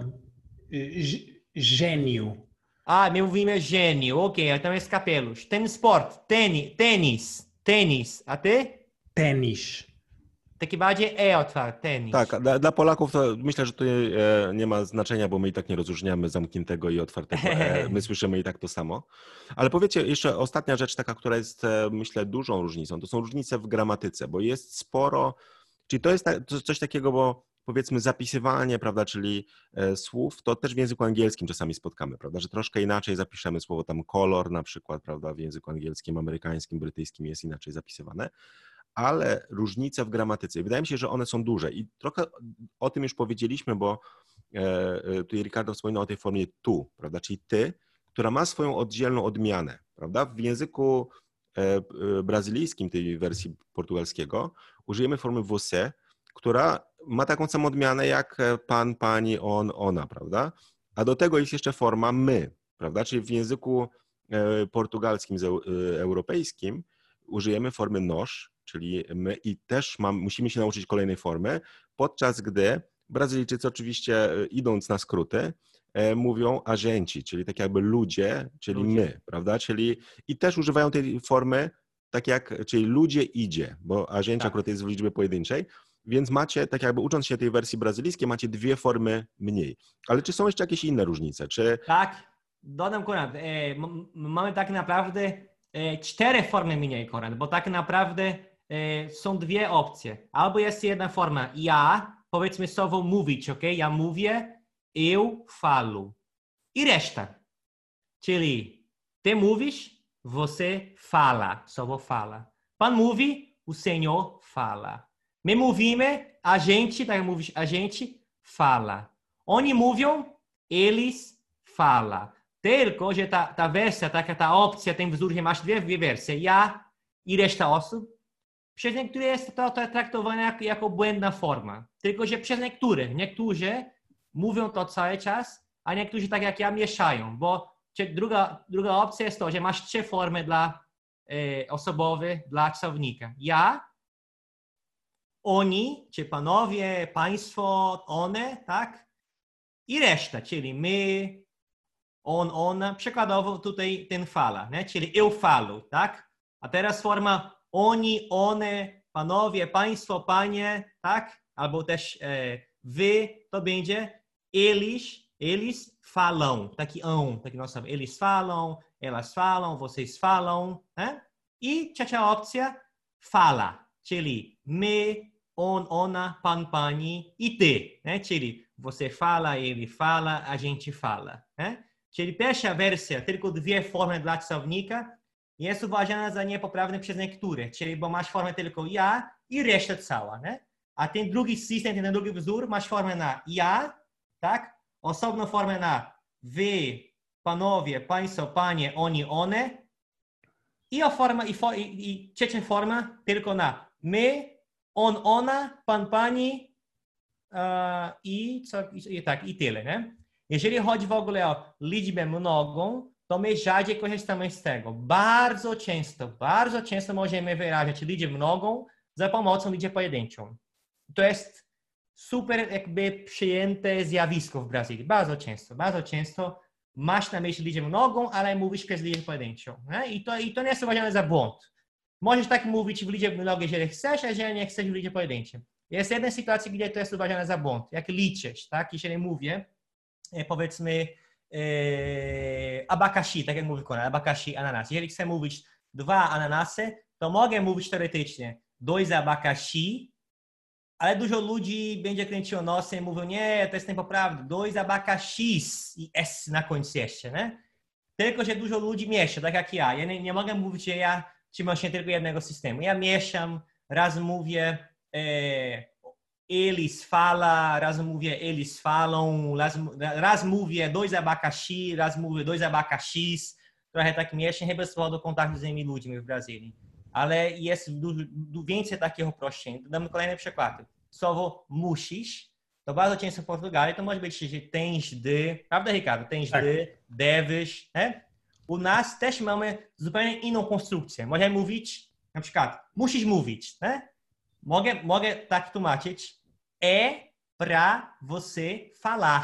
Dosłownie jest dla ciebie mówić. Jest dla ciebie mówić. Czyli to bardzo inaczej, né? bardzo inne niż musisz. Tens de falar, é para você falar. Kolejny przykład. Jak coś teraz się dzieje, robię coś teraz, po angielsku się nazywa present continuous, taki czas teraz ciągły, chyba tak się nazywa, nie?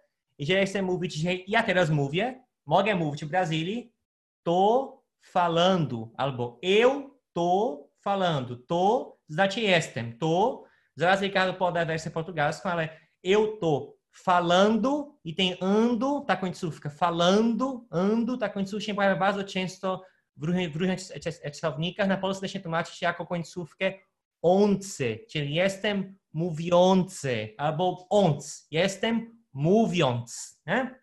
albo mówiąc, rozmawiając, dogada się z ludźmi. Też falando. Falando, a gente se entende, né? Tem na się pojawia ta forma. I w Portugalii chyba rzadziej z tego korzystają, nie? Wydaje mi się, że, nasz kolega wytłumaczy zaraz, ale głównie są te różnice, nie? Dokładnie. My, my raczej w Portugalii używamy tego bez okolicznika, czyli no, właśnie mówię teraz taki przykład. Eu estou a falar. Czyli falar to jest bezokolicznik czasownika mówić, falar, więc tak naprawdę estou a falar, nie estou falando. Falando, uwaga, ando. Ando, ando, właśnie, nosem, nosem, trzeba, trzeba powiedzieć. I, I ogólnie ten skrót, eu, to, to co mówiłeś. To, ja samo jestem. o, to, o, o. Eu, to, no właśnie, właśnie mm, Y, dla nas to, to uważamy jak, jako błąd, prawda? Myślę, że taki w Portugalii taki nastolatek y, na czacie by pisał jo to, tak? Więc um, ogólnie to wykazuje elastyczność wersji brazylijskiej. Natomiast w, w, w odmianie europejskiej to może jesteśmy bardziej rygorystyczni, w sensie jak, jak ten język ma wyglądać i jak te formy y, czasownika mają, mają wyglądać, prawda? Mhm. Um, więc to jest po prostu inne podejście. A, a, Ricardo, a jeżeli chodzi o powiedz, ja, czy, tak, ja, mam, tak. ja mam pytanie takie e, dotyczące języka e, tego literackiego bardziej. Czy, czy Ricard, na przykład to, jak mówisz po portugalsku w Portugalii, bardzo się różni od tego, jak ludzie piszą na przykład książki i tak dalej. Czy to jest inny język, czy to jest ten sam? Bo wydaje mi się, że to, co powiedziałeś właśnie o tym byciu rygorystycznym, e, Myślę, że, że w Portugalii wy jesteście bliżej tego języka pisanego, bo w Brazylii język pisany bardziej przypomina ten język europejski. Czy jak, jak to postrzegasz, Ricardo? Jak to jest to, jest to prawda, więc hmm. myślę, że y, jak patrzę na, na to, jak Brazylijczycy mówią y, i porównuję właśnie do, do, do standardowego portugalskiego, y, który znajdujemy w tekstach pisemnego, to to jest większa różnica niż, niż na przykład jak Portugalczycy mówią, prawda? I, no i to może być korzyść lub wada, prawda? Więc ogólnie y, to sprawia, że y, Portugalczycy mówią w sposób bardziej złożony, ale jednak y, jeżeli zależy Ci na tym, żeby dobrze pisać w języku portugalskim, to, to wtedy nie musisz się nauczyć jakby dwóch osobnych języków, prawda? Bo, bo teraz oczywiście teraz mniej ludzie, ludzie czytają i, i tak dalej, więc te skróty jakoś tam się pojawiają nawet w, w Portugalii teraz, ale bym powiedział, że e, bliżej mówimy do, do języka pisemnego i, i że te zasady są mniej elastyczne, w sensie, że, że nie możesz jakby łamać te zasady mhm. i, i, że nie tolerujemy tak, tak, takich um, zmian, e, tak jak Brazylijczycy. Mhm. I a propos, a propos tego mówienia złożonego, to rzeczywiście to jest taka w ogóle cecha portugalska, że e, Portugalczycy bardzo szczegółowo mówią, jeżeli chodzi o komunikację. I tu, skoro też uczę portugalskiego z Portugalii, przepraszam Ricardo, nie jestem Portugalczykiem, ale próbuję jak najwierniej okay, przekazywać waszą wersję portugalskiego. Okay? I też mówię właśnie do, do uczniów, żeby muszą na to uważać, że nie wolno za bardzo skrótowo mówić w Portugalii, bo u was tak za bardzo nie jest w kulturze.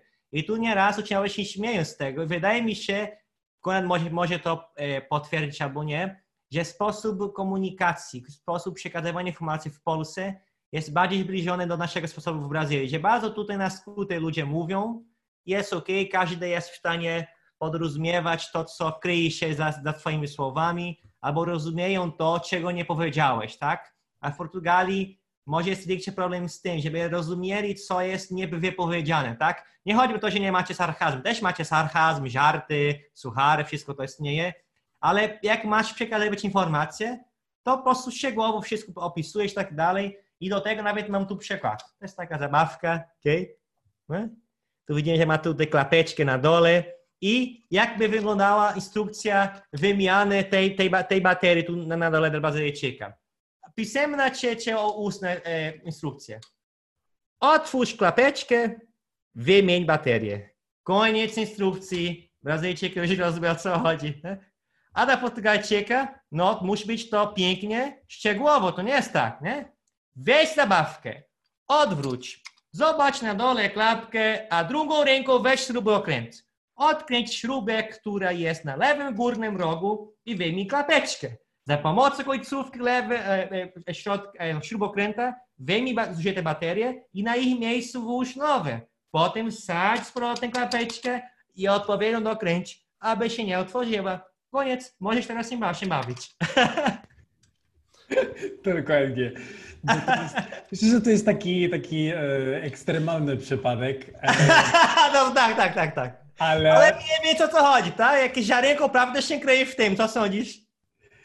To jest, ja myślę, że powiem tak, że, że jest mniejsze ryzyko, że por, jakiś Portugalczyk będzie zepsuł y, tej zabawy, prawda? A tak, tak, i zgadzam się. A, a powiedz, e, Ricardo, bo tutaj e, wydaje mi się, że trochę to, co Marlon mówi, to wynika też z tego, że Brazylijczycy, jak opowiadają dowcipy, to często w tym dowcipach, jak się pojawia Portugalczyk, to on nie jest taką najbardziej inteligentną osobą i oni trochę chyba tutaj takiego sarkazmu i trochę się śmieją z tych Portugalczyków.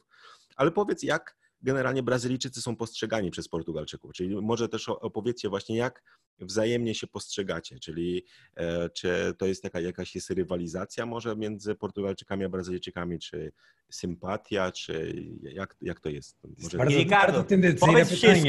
Ja nie będę obrażony, ok? Zapomnij o mnie, nawet wyłączę kamerę i gadaj. Nie, to jest tutaj tendencyjne pytanie, ja nie wiem, co, co ja tutaj mam powiedzieć, ale nie, wiesz co, właśnie myślałam o tym, e, bo, bo y, ty, ty kiedyś tam Y, no, ktoś, ktoś mnie zadawał to, takie pytanie.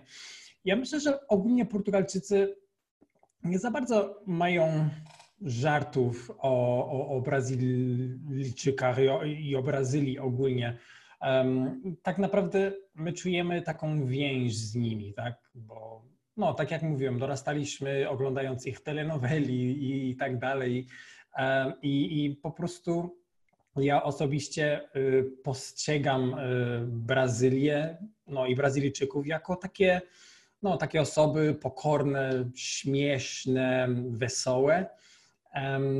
No, wiadomo, że myślę, że to, że oni myślą, że jesteśmy mniej inteligentni, to, to, to, to, jest, to jest śmieszne dla nas, prawda? I, i tak jak mówiłem, my, my w Portugalii potrafimy śmiać samych siebie, i ogólnie jest dużo żartów na temat y, regiony w Portugalii, mm. prawda? Więc y, żarty o um, ludziach z Alentejo na przykład, bo oni mają takie bardzo szczególne tradycje i, i my znamy te tradycje bardzo, bardzo dobrze, bo są one nam bardzo bliskie, prawda? Natomiast jeśli chodzi o, o Brazylijczyków, to ja bym powiedział, że nie ma, przynajmniej tak w moim pokoleniu, y, już nie ma takich typowych, stereotypowych żartów y, o Brazylijczykach. Tak naprawdę no, y, lubimy ich, czasami mówią w, w bardzo taki, taki śmieszny sposób i, i czasami nie rozumiemy, dlaczego robią pewne rzeczy ale ogólnie nie, nie, nie żartujemy tak w, w takim no, złośliwie czy, czy coś takiego. Mhm. A czy są jakieś różnice może kulturowe, takie, które widzisz między Brazylijczykami a Portugalczykami właśnie, że tak jak patrzysz, jak się Marlon zachowuje, czy to jest dla ciebie e, normalne, czy rzeczywiście on jest jakim kosmitą zupełnie? No, y, to znaczy myślę, że wszyscy wiedzą, że, że Marlon jest, jest y. Y, natomiast jak mieszkałem z, z tymi dwoma Brazylijczykami, to były pewne rzeczy, które oni robili, które były dla mnie mm, dziwne. Na przykład Brazylijczyk i właśnie chciałbym, żeby, żeby Marlon to, to potwierdził, czy nie. Brazylijczycy ogólnie jak jedzą obiad, to y, lubią dzielić się małymi porcjami. Tak, więc oni y, właśnie z, mojego doświadczenia wynika, że jak się wybraliśmy do, do jakiegoś miejsca na obiad, to y, kolega Brazylijczyk właśnie chce zam, zamówić inne danie niż moje, tylko po to, żeby mieć okazję dzielić się małymi porcjami i, i przez to ma, ma okazję, żeby, żeby jeść jakby moje danie i, i, i jego danie. I to jest takie tak śmieszne. Ja, ja, jestem jedynakiem, nigdy po prostu nie byłem mhm. przyzwyczajony do tego, żeby dzielić się jedzeniem, y, ale e, ogólnie mają takie, y, takie śmieszne y, zwyczaje, prawda? Ogólnie też właśnie myślę, jeśli, jeśli są jakieś tam inne na przykład ryż z fasolą. Oni uwielbiają y, jeść ryż z fasolą. Jakby co jesz na obiad? No, Brazyl, Brazylijczyk jest, jest duża szansa, że mówi no ryż z fasolą. E, I... Nie, to ja pamiętam, że to, bo to jest takie danie dla nich, tak jak my mamy ziemniaki, to oni mają ryż z fasolą i oni zawsze mówią, że fasolę trzeba jeść, bo to jest żelazo, jak nie jemy żelaza, to umrzemy i tak dalej. I ja im wtedy mówię, ale słuchajcie, ale ja nie jem fasoli, codziennie i żyje. A oni jak to? To, jest niemożliwe, więc e, tam być może są całe jakieś teorie naukowe właśnie, że trzeba ryż z fasolą, a to jest takie dla nich podstawowe, że nawet ci biedni ludzie E, I to też jest sprytne takie właśnie, bo fasola daje, e, po pierwsze ten ryż nie jest suchy, prawda, to jest taki właśnie sos, który się miesza z ryżem i to E, oni do tego tam mięso dodają i tak dalej, ale to jest też ciekawe, że dla nich to jest takie podstawowe, że nawet, e, co ciekawe, też w polskiej restauracji, jak byłem w Rio, jest polska restauracja Copacabana, Copacabana nie, ona się nazywa, bo to jest na, na, w Copacabanie tamtej dzielnicy. I tam oczywiście dają ziemniaki, mięso. I, i pytają się, czy ryż też chce do tych nie, nie, jestem Polakiem, ryżu tutaj do ziemniaków nie jemy, a oni traktują ziemniaki jako takie warzywo właśnie, więc też ryż, fasola najlepiej i, i, i, i tak dalej już wiadomo, co się dzieje po mhm. fasoli, prawda? Więc my, ja się zgadzam jak najbardziej z tym, co mówicie. Ja niestety będę, będę, będę zaraz wasze uciekać, bo będę z maluchem, co żona będzie miała dać daną pracę. Ale dziękuję za e, waszą rozmowę i kontynuujcie, okay? Temat jest bardzo, bardzo ciekawy. Na pewno jeszcze Ricard ma dużo do powiadania, ale jeżeli chodzi o naszą opinię, to przekazuję Konrad, Konradowi, bo on wie, już był kilka razy w Brazylii, to praktycznie myśli tak jak my też. Okay? Dziękuję za... na, na, nareszcie będę mógł krytykować Brazylię teraz. Tak, tak jest. I tu żegnamy się z Beniaminkiem. O, nikt go nie widział jeszcze. Żegnamy się, okay? Pozdrawiam tam Ule i Bruno Ricardo, okay? Rodzinkę. Dziękujemy, dziękujemy ślicznie i pozdrawiamy. Tak jest, dziękujemy wam Teraz oczywiście e, prosimy... Ale jeszcze nie kończycie. Tak, i prosimy wszystkich, którym e, synek Marlona bardzo się podoba, niech dają lajki pod wideo. Więc e, także to specjalnie Marlon sprytnie go tutaj przyprowadził. Tak jest. I a propos RODO, to dostałem właśnie od jego mamy pisemną zgodę, więc nie ma żadnego prawnego problemu. Trzymajcie się. Tak, dobrze, super, dzięki. A Ricardo, do Ciebie pytanie też, e, bo mówimy tutaj o Brazylijczykach, Portugalczykach, a powiedz mi Portugalczycy i Polacy, bo to, to już też masz doświadczenie tutaj, wydaje mi się dosyć duże. Jakie są różnice między, e, czyli jak, jak Portugalczycy postrzegają Polaków? Jak wy nas widzicie? Tak, to jest ciekawe pytanie i je właśnie nawet napisałem w grupie Portugalczyków mieszkających w Polsce e, o ich opinie. No, jakie mają pozytywne lub mniej pozytywne e, opinie na temat, jak, jak mieszkają Polacy i, i, i jak jak to jest życie w Polsce. I, i ogólnie jest dużo rzeczy, co, co nam się podoba. Jedna rzecz to jest taka, że na przykład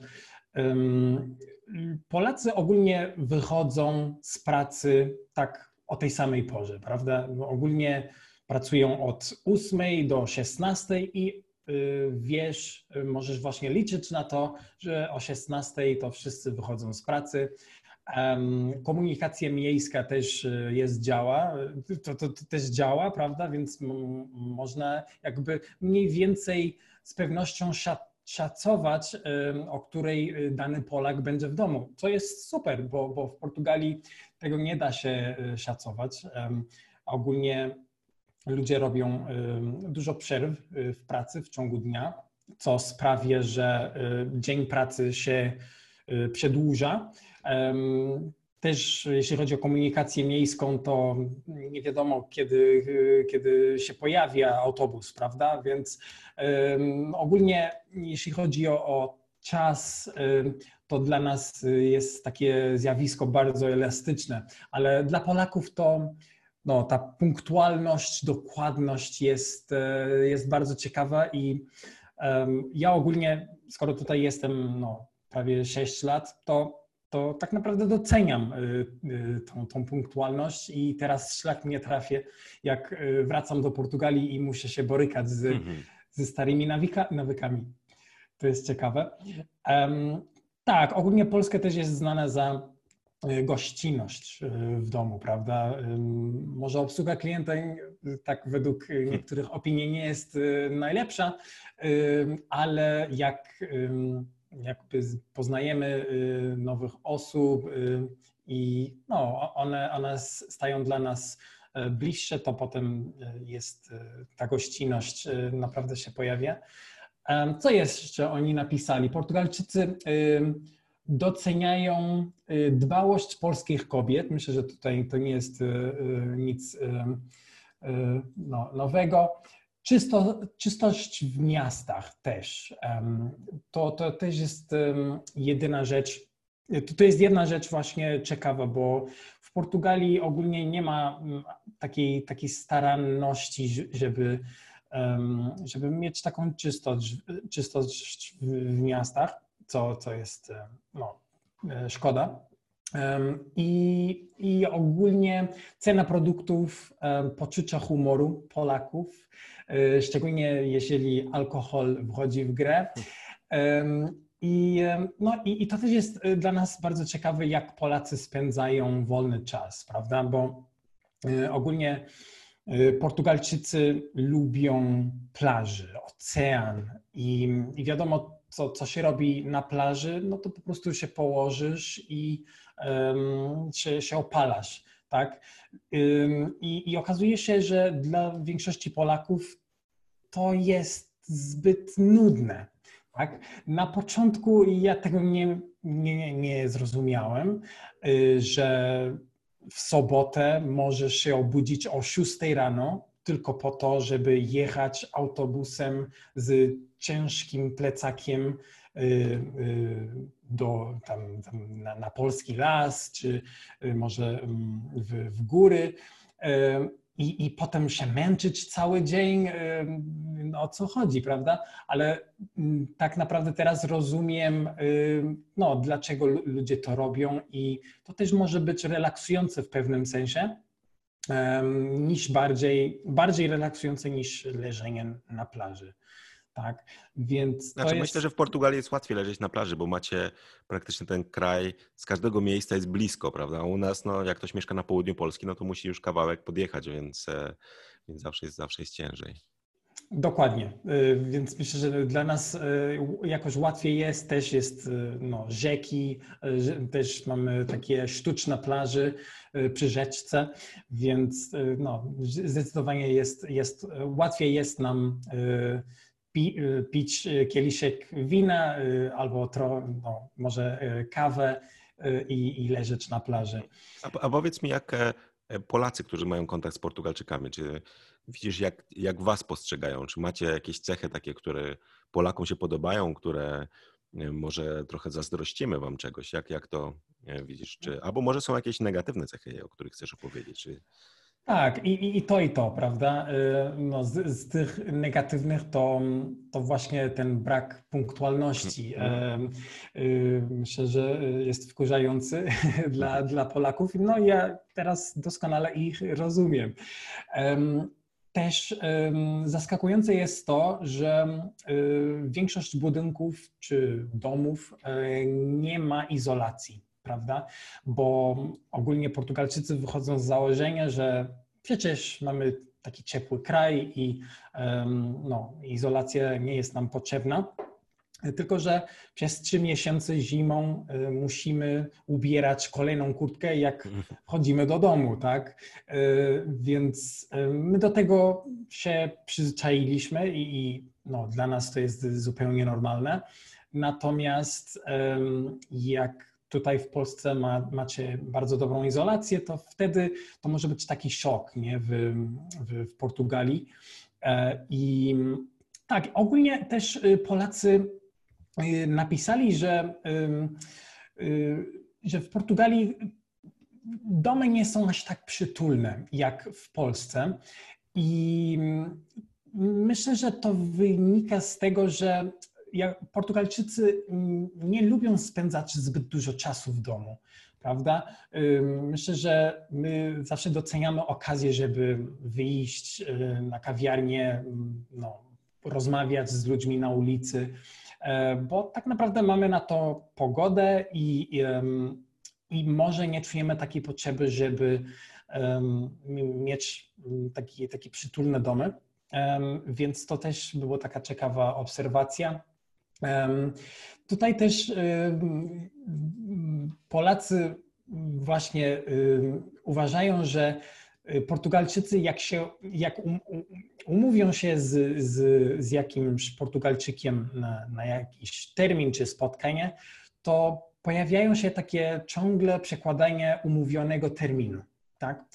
Więc e, często Portugalczycy odwołają i, i czasami to, to się dzieje w, w szkołach, tak? E, nawet w, kontekstach bardziej oficjalnych, gdzie może być klasówka, nauczyciel mówi, że no, będzie klasówkę w tym tygodniu, przy czym potem kolejnego dnia nauczyciel pojawi się i mówi, a przecież nie miałam czasu, żeby przygotować tą klasówkę dla was, więc no, to będzie w przyszłym tygodniu, tak? No i tak naprawdę to, to akceptujemy, przyjmujemy to.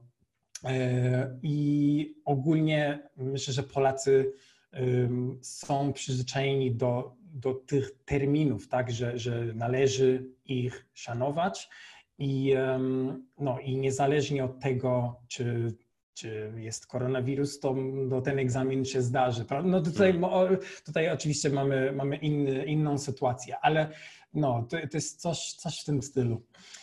Natomiast jeśli chodzi o te takie bardziej pozytywne y, cechy, aspekty y, życia w Portugalii, to, to myślę, że takie swobodne podejście do wszystkiego jest, jest ciekawe dla Polaków, tak? Więc tak jak mówiłem, że te, te spóźnienia, te terminy, które mm, no, przekładamy na później, um, ogólnie taka y, Polacy czują taką akceptację i otwartość wobec um, innych kultur i, i narodowości. E, I no, Portugalczycy to mają, bo ogólnie mamy też dużo osób z, z, z byłych kolonii, tak? E, czyli e, osób byłych kolonii mieszkających w Portugalii, więc jesteśmy właśnie otwarci na, na, na te inne kultury. Też ogólnie, że jesteśmy uśmiechnięci i mm, mamy taką życzliwość, że chcemy pokazać najlepsze i tak dalej i, i że chętnie inicjujemy y, taki kontakt z, z obcymi. Tak, więc y, czasami się zdarza, że mówimy dzień dobry na ulicy komuś nieznanym, bo po prostu czemu nie, nie? Bon dia, nie? Dzień dobry. Hmm. E, I, no i ta druga osoba też też mówi dzień dobry. Czasami ludzie po prostu zagadają, żartują. E, pamiętam raz w Portugalii ja nosiłem bardzo ciężkie walizki tam z auta do, do hotelu, a tam e, dwaj panowie mówili, no ja, ja gdybym nie był tak leniwy, to, to, to ja bym ci pomógł, nie? No i po prostu ja nie znam tych panów, ale oczywiście się śmiałem i po prostu takie zagadanie, żartowanie y, jest, y, jest jak najbardziej y, typowe nie? W, w, w Portugalii. E, też całujemy na powitaniu, nawet jeżeli to jest osoba, którą znamy po raz pierwszy. W Polsce to nie wiadomo, prawda? Mhm. Jeden całuszek, dwa, trzy, czy może mm, ściskamy, nie wiadomo.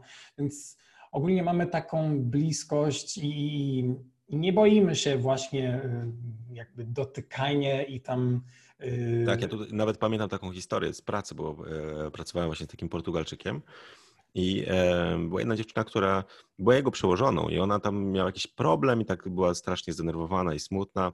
I on do niej powiedział, wiesz co, jak chcesz, to ja mogę cię przytulić, to żebyś się lepiej poczuła. A ona wtedy, jak to w ogóle, o co chodzi, że to w, jeszcze w pracy, nie? I to a dla niego to był taki normalny odruch, prawda, że okej, okay, ktoś się źle czuje, no to ja tam e, przytulę tą osobę, czy to poklepię po plecach i tak dalej.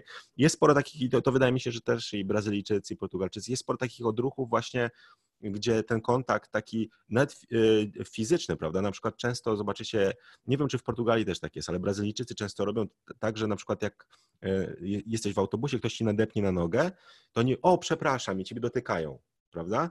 E, no to Polacy od razu uciekają, prawda? Bo my staramy się unikać tego, tego, tego kontaktu, prawda? Więc to, tak. to, to, to, jest często, ale myślę, że zawsze to jest takie szukanie, że najlepiej znaleźć ta, e, taką równowagę, bo z jednej strony właśnie w, w Portugalii, w Brazylii ludzie są bardzo otwarci, ale myślę, że my Polacy z kolei jesteśmy zamknięci na takie e, nowe rzeczy, ale jak już kogoś poznamy, no to jesteśmy zupełnie inni, prawda? Więc My tak szukamy, ale też e, myślę, że powinniśmy być bardziej trochę otwarci na takie kontakty codzienne, na takie rozmowy właśnie. E, ja widzę, że starsze pokolenie, tak jak widzę mój tata na przykład jak gdzieś jakieś zakupy robi, to zawsze coś tam, jakiś żart rzuca i tak dalej.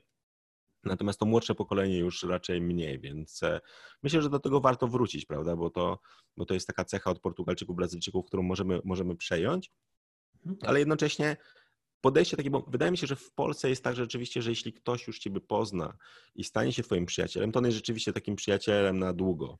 Natomiast często ja widzę na przykład, czy w, w tych krajach południowych, że, że ludziom brakuje czasami takiego właśnie wejścia na taki głębszy poziom znajomości, że często to jest takie, że właśnie, że wszyscy ze sobą niby rozmawiają. Miałem kolegę, który tam zapraszał ludzi z ulicy do domu, no tutaj chodź na kawę, bo tutaj mówisz po portugalsku, tak jak ja, no to zapraszam cię, ale brakowało takiego wejścia na takie relacje głębsze, prawda, że tak porozmawiamy sobie o, o wszystkim i o niczym, i jutro w ogóle gdzieś tam inną osobę przyprowadzę i tak dalej. Więc to też jest, myślę, że, że tutaj e, warto pomyśleć, jak to, jak to gdzieś też taki znaleźć równowagę, prawda, żeby, no my Polacy staramy się na swój sposób, ale to różnie, różnie to e, bywa. A powiedz mi, czy miałeś jakieś takie zabawne sytuacje może, które w Polsce ciebie zdziwiły, że było coś, oprócz tam zdejmowania butów i tak dalej, bo to jest takie typowe, nie? Ale czy jakieś inne sytuacje, gdzie e, no, miałeś taką dziwne, dziwne powiedzmy reakcje ludzi, czy... Tak, a, a, a, a propos akurat y, poklepania, prawda, hmm. y, i, i, dotykania, bo y, ja na przykład często biegam y, po mieście i y, no, zdarza się tak, że muszę wyprzedzać y, ludzi.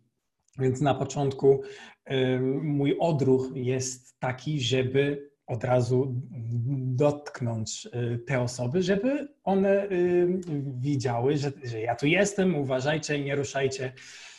I, no, i oczywiście na początku, no pamiętam, że, że to, to brzmi bardzo, bardzo źle, ale że, że dotknąłem takiego faceta, który on był no, prawie dwa metry. I, no i oczywiście jak dotknąłem, to powiedziałem przepraszam i tak z mojej perspektywy to myślę, że było dosyć jasne, że, że ja tutaj wyprzedzam, biegam, właśnie chcę, żeby, żeby wszystko było dobrze. Na co on krzyczył na mnie, hej, co ty robisz, nie? Hmm. I to, to mnie tak naprawdę e, przestraszyło. E, więc e, bardzo szybko właśnie się nauczyłem, że nie należy e, dotykać e, no, osoby w, w, ten sposób, nawet jeżeli masz pozytywne intencje, mhm. prawda? Też ciekawe jest to, że na przykład takie drobne wyrazy, takie e, codzienne wyrazy w, e, w języku polskim mają e, pewne znaczenie. Na przykład jak ktoś mówi dziękuję, jak polejesz komuś wodę, to znaczy nie, prawda? Mhm. Natomiast w Portugalii, jak mówisz dziękuję, to oznacza, że chcesz więcej.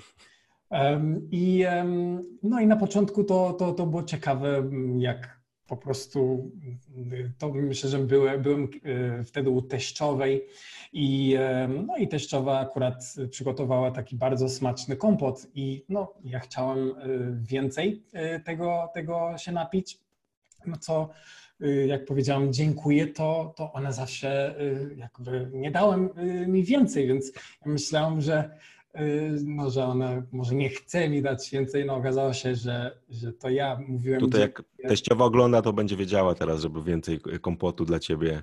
Nawet jak dziękuję, że jak dziękujesz, to właśnie... Dokładnie, dziękuję, to znaczy chcę więcej, zawsze chcę, y, że będzie chciał więcej. Dokładnie. To samo z y, dzień dobry, bo miałam taką sytuację, kiedy wróciłem do domu rowerem Y, z imprezy, prawda? I y, no, zaskoczyło mnie to, że y, policja właśnie przeprowadzą kontrolę rowerzystów, rowerzystom tak, na, na ulicy, więc to było też zaskakujące. Ale też zaskakujące było to, że dzień dobry w tym kontekście, jak policjant zwraca się do ciebie i mówi dzień dobry, to znaczy zatrzymaj się.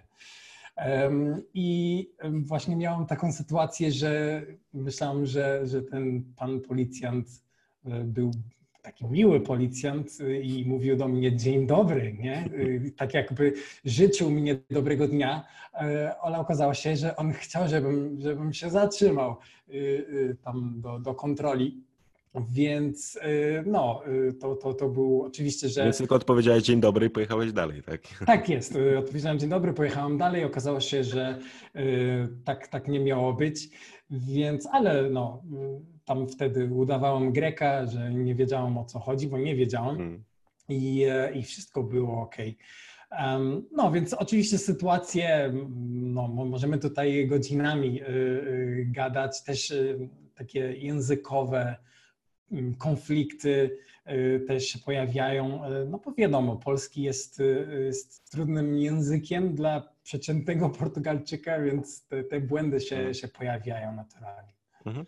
A powiedz mi, bo tutaj oczywiście jeśli ktoś chce się uczyć portugalskiego, zachęcamy do tego, żeby zapisał się na nasz kurs i do, do niego link damy pod wideo w 90 dni do y, portugalskiego i tutaj możecie wybrać wersja brazylijska albo europejska, także, także tutaj osoby, które przychodzą przez ten kurs naprawdę są bardzo zadowolone i tutaj polecają, bo mogą słuchać Ricardo codziennie albo Marlona, prawda, więc tutaj mamy do wyboru e, jedną z tych dwóch wersji, ale jakbyś miał dać takie rady, bo pewnie y, próbowałeś czy uczyłeś też e, języka portugalskiego Polaków. Jakie rady byś im dał e, na początek? Jeśli ktoś zaczyna naukę portugalskiego, o czym powinien e, pamiętać, czy może na co się przygotować? Jakbyś mógł takie kilka rad na, na sam koniec już dać tym osobom, które chcą zacząć przygody z portugalskim? Jasne. Po pierwsze, gratuluję, że się zdecydowałaś na język portugalski. To, to świetna decyzja, naprawdę. No, tak jak mówiliśmy wcześniej, myślę, że warto y, wybrać y, jedną wersję, trzymać się jednej wersji i ogólnie no jest, jest dużo zasobów, prawda? Dużo, dużo kursów, dużo książek i tak dalej, więc um, myślę, że łatwo jest ludziom jakby wybierać dużo, mieć y, dużo zasobów, a potem nie wiedzieć dokładnie, no, jak, jak zacząć, prawda? Więc ja bym tak z doświadczenia i też y, tak jak, no, jak, też z doświadczenia, bo się uczę języków, e, wiem, że na początku lepiej wybrać jeden zasób, może być y, specyficzny kurs, może, może być książka lub podręcznik, jakiś dobry materiał z audio, tak? Bo no, tak jak właśnie mówiliśmy z Marlonem, ważne jest zwracać uwagę na, na, na te wymowy mhm. i, i, nauczyć się wymowy od samego początku. I tak, więc ogólnie znaleźć taki jeden zasób, który został starannie przygotowany, jest taki dobry zasób słów, y, który zawiera najczęstsze słowa te, te, takiego języka na początku. Może Y, jakiś zasób, który y, jest w stanie tłumaczyć gramatykę funkcjonalną, tak, z przykładami i tak dalej. I, I może, może jakiś słownik. Zresztą myślę, że tutaj może w opisie tego wideo możemy mhm. umieścić tutaj taki słownik online, bo, bo tak, są... myślę, że możemy listę materiałów takich ciekawych, które ty i Marlon polecacie do nauki portugalskiego, żeby też osoby, bo mogą nas słuchać też osoby, które się już uczą, prawda, i e, chętnie, chętnie by z tych materiałów skorzystały, prawda. Natomiast e, czy widzisz jakieś na przykład, jak Polacy, jakieś błędy takie, jak się uczą portugalskiego, czy na coś powinni spe specjalnie zwrócić uwagę, gdy, gdy zaczynają, bo na przykład są jakieś częste błędy, które widzisz, gdy ktoś e, mówi po portugalsku, jakiś Polak, co, co, co nam sprawia największy problem, twoim zdaniem? Tak, to znaczy po pierwsze, ja muszę powiedzieć, że polski jest takim bogatym językiem, e, że naprawdę Polacy wychodzą z innego poziomu, jak się uczą portugal, e, portugalskiego, prawda? Mimo jeżeli to jest twój pierwszy język romański, to Anglik y, by miał dużo większych kłopot, kłopotów y, niż, niż Polak. Ale ogólnie y, z tego co widzę, to wymowa czasami sprawia trudność Polakom, szczególnie tą europejską, tak? bo, bo mamy tam chyba bodajże 14 fonemów samogłoskowych, czyli te samogłoski nosowe, te tam zamknięte, otwarte, pochylone, czyste i tak dalej, więc y, to czasami y, no, jest y, jakby trudne, bo to są inne dźwięki nie? I, i musimy mm, zwracać uwagę na te, na te dźwięki, te dyftongi, tak jak on lub w liczbie mnogiej onż, czyli na przykład pain, chleb, y, sytuação, sytuację, sytuacje w liczbie mnogiej, czyli situações. Więc te, te, to są takie nowe dźwięki dla Polaków i um, należy jakby no, poświęcić, poświęcić Ale, ale tutaj, tutaj, dobra rzecz jest taka, jak mówię, że Polacy wychodzą z innego poziomu, bo w, języ- w Europie tak naprawdę wśród języków są tylko trzy języki z nosowymi samogłoskami. Jest to francuski, portugalski i polski. Co prawda portugalski ma najwięcej, bo tam praktycznie każdą samogłoskę można nosowo powiedzieć. Mamy, po polsku mamy tylko on i e, prawda? I to też trochę inaczej wymawiane, ale nam już jest łatwiej sobie wyobrazić, co, aha, czyli mamy on, e, no to teraz po portugalsku mamy u, i i tak dalej. Czyli są te dźwięki, to jest, to jest, to jest e, taki plus, jak mówisz, że jak Anglik, no to w ogóle co to są nosowe dźwięki, to dla niego to już jest panika na samym początku, prawda? Więc my, my mamy trochę łatwiej, ale chyba masz rację rzeczywiście, że to, co sprawia największy kłopot, zwłaszcza na początku, to jest wymowa, prawda, zwłaszcza tej wersji europejskiej, bo też myślę, że ciężko może jest ludziom rozumieć ze słuchu, zwłaszcza kiedy Portugalczyk tam połyka trochę tych, czy wymawia mniej wyraźnie, bo Polacy też mają to do siebie, że to, co widzę po uczniach naszych, że oni pilnują tego, jak jest zapisane, bo my w języku polskim, jak pisze się A, to mówi się A, prawda? Mhm. Natomiast w języku portugalskim już tak do końca nie jest, prawda? Bo ważny jest, gdzie jest akcent. Czyli jak jest samogłoska nieakcentowana, no to wtedy już nie wymawiamy dokładnie tego, co jest zapisane, wymawiamy trochę inaczej, prawda? Więc trzeba tutaj, myślę, tak świadomie też analizować zapis e, i wymowę, prawda? Porównywać. To jest dobre, dobre myślę, ćwiczenie dla tych osób e, e, początkujących. No dobrze, myśl, myślę, że, że tych rad, czyli e, e, tak, jak, tak jak tutaj wspominam, zachęcam oczywiście do naszego kursu, także taka droga, droga na skróty. I e, jeśli ktoś będzie chciał jakieś więcej informacji, czyli patrzcie pod wideo, tutaj może zostawimy też jakieś namiary na Ricardo, żeby ktoś miał jeszcze jakieś pytania, czy potrzebował jakiegoś wsparcia z językiem tym portugalskim, europejskim, to oczywiście Ricardo bardzo chętnie będzie tutaj pomagał. Ale oczywiście, jeśli macie jakieś dodatkowe pytania, też zadawajcie w komentarzach. Myślę, że tu będziemy też zaglądać wszyscy i starać się Wam odpisywać na komentarze, bo to wtedy jest naj, najfajniej, bo możemy rzeczywiście taką interakcję mieć z Wami bezpośrednią. E, I oczywiście, jeśli ktoś się uczy portugalskiego, napiszcie e, koniecznie, jaką wersję wybraliście, dlaczego, bo to też jest często taki, wydaje mi się, na samym początku, jak ktoś e, nie ma jakichś konkretnych takich kontaktów z Brazylijczykami czy z Portugalczykami, to często ma właśnie pytania, więc napiszcie, dlaczego się zdecydowaliście na tę właśnie wersję. Także czekamy na wasze, na wasze komentarze i zapraszamy do subskrybowania naszego, naszego e, kanału. Także dzięki wielkie Ricardo za przybycie. Myślę, że jeszcze nie raz będziemy Cię zapraszali, także bo e, tutaj też o językach ja tą widzę książkę do norweskiego w tle, więc e, więc e, tutaj nie ukryje się, prawda, że, że znasz więcej niż jeden język e, polski, prawda, więc, więc jest, jest, znamy się tutaj już od e, wielu lat, organizowaliśmy warsztaty wspólnie, więc myślę, że będziemy jeszcze działać, działać razem. Także zachęcamy generalnie na sam koniec wszystkich do nauki portugalskiego, bo tak jak mówię, że, to jest, że gratulujesz takim osobom wyboru, bo to jest tak naprawdę bardzo ciekawy język, a jednocześnie E, wbrew pozorom bardzo przydatny, bo tym językiem posługuje się naprawdę bardzo dużo ludzi na całym świecie. Także dzięki wielkie Ricardo i dziękujemy wszystkim słuchaczom za wysłuchanie dzisiejszego odcinka. Także pozdrawiamy serdecznie i do zobaczenia już w kolejny piątek o 17.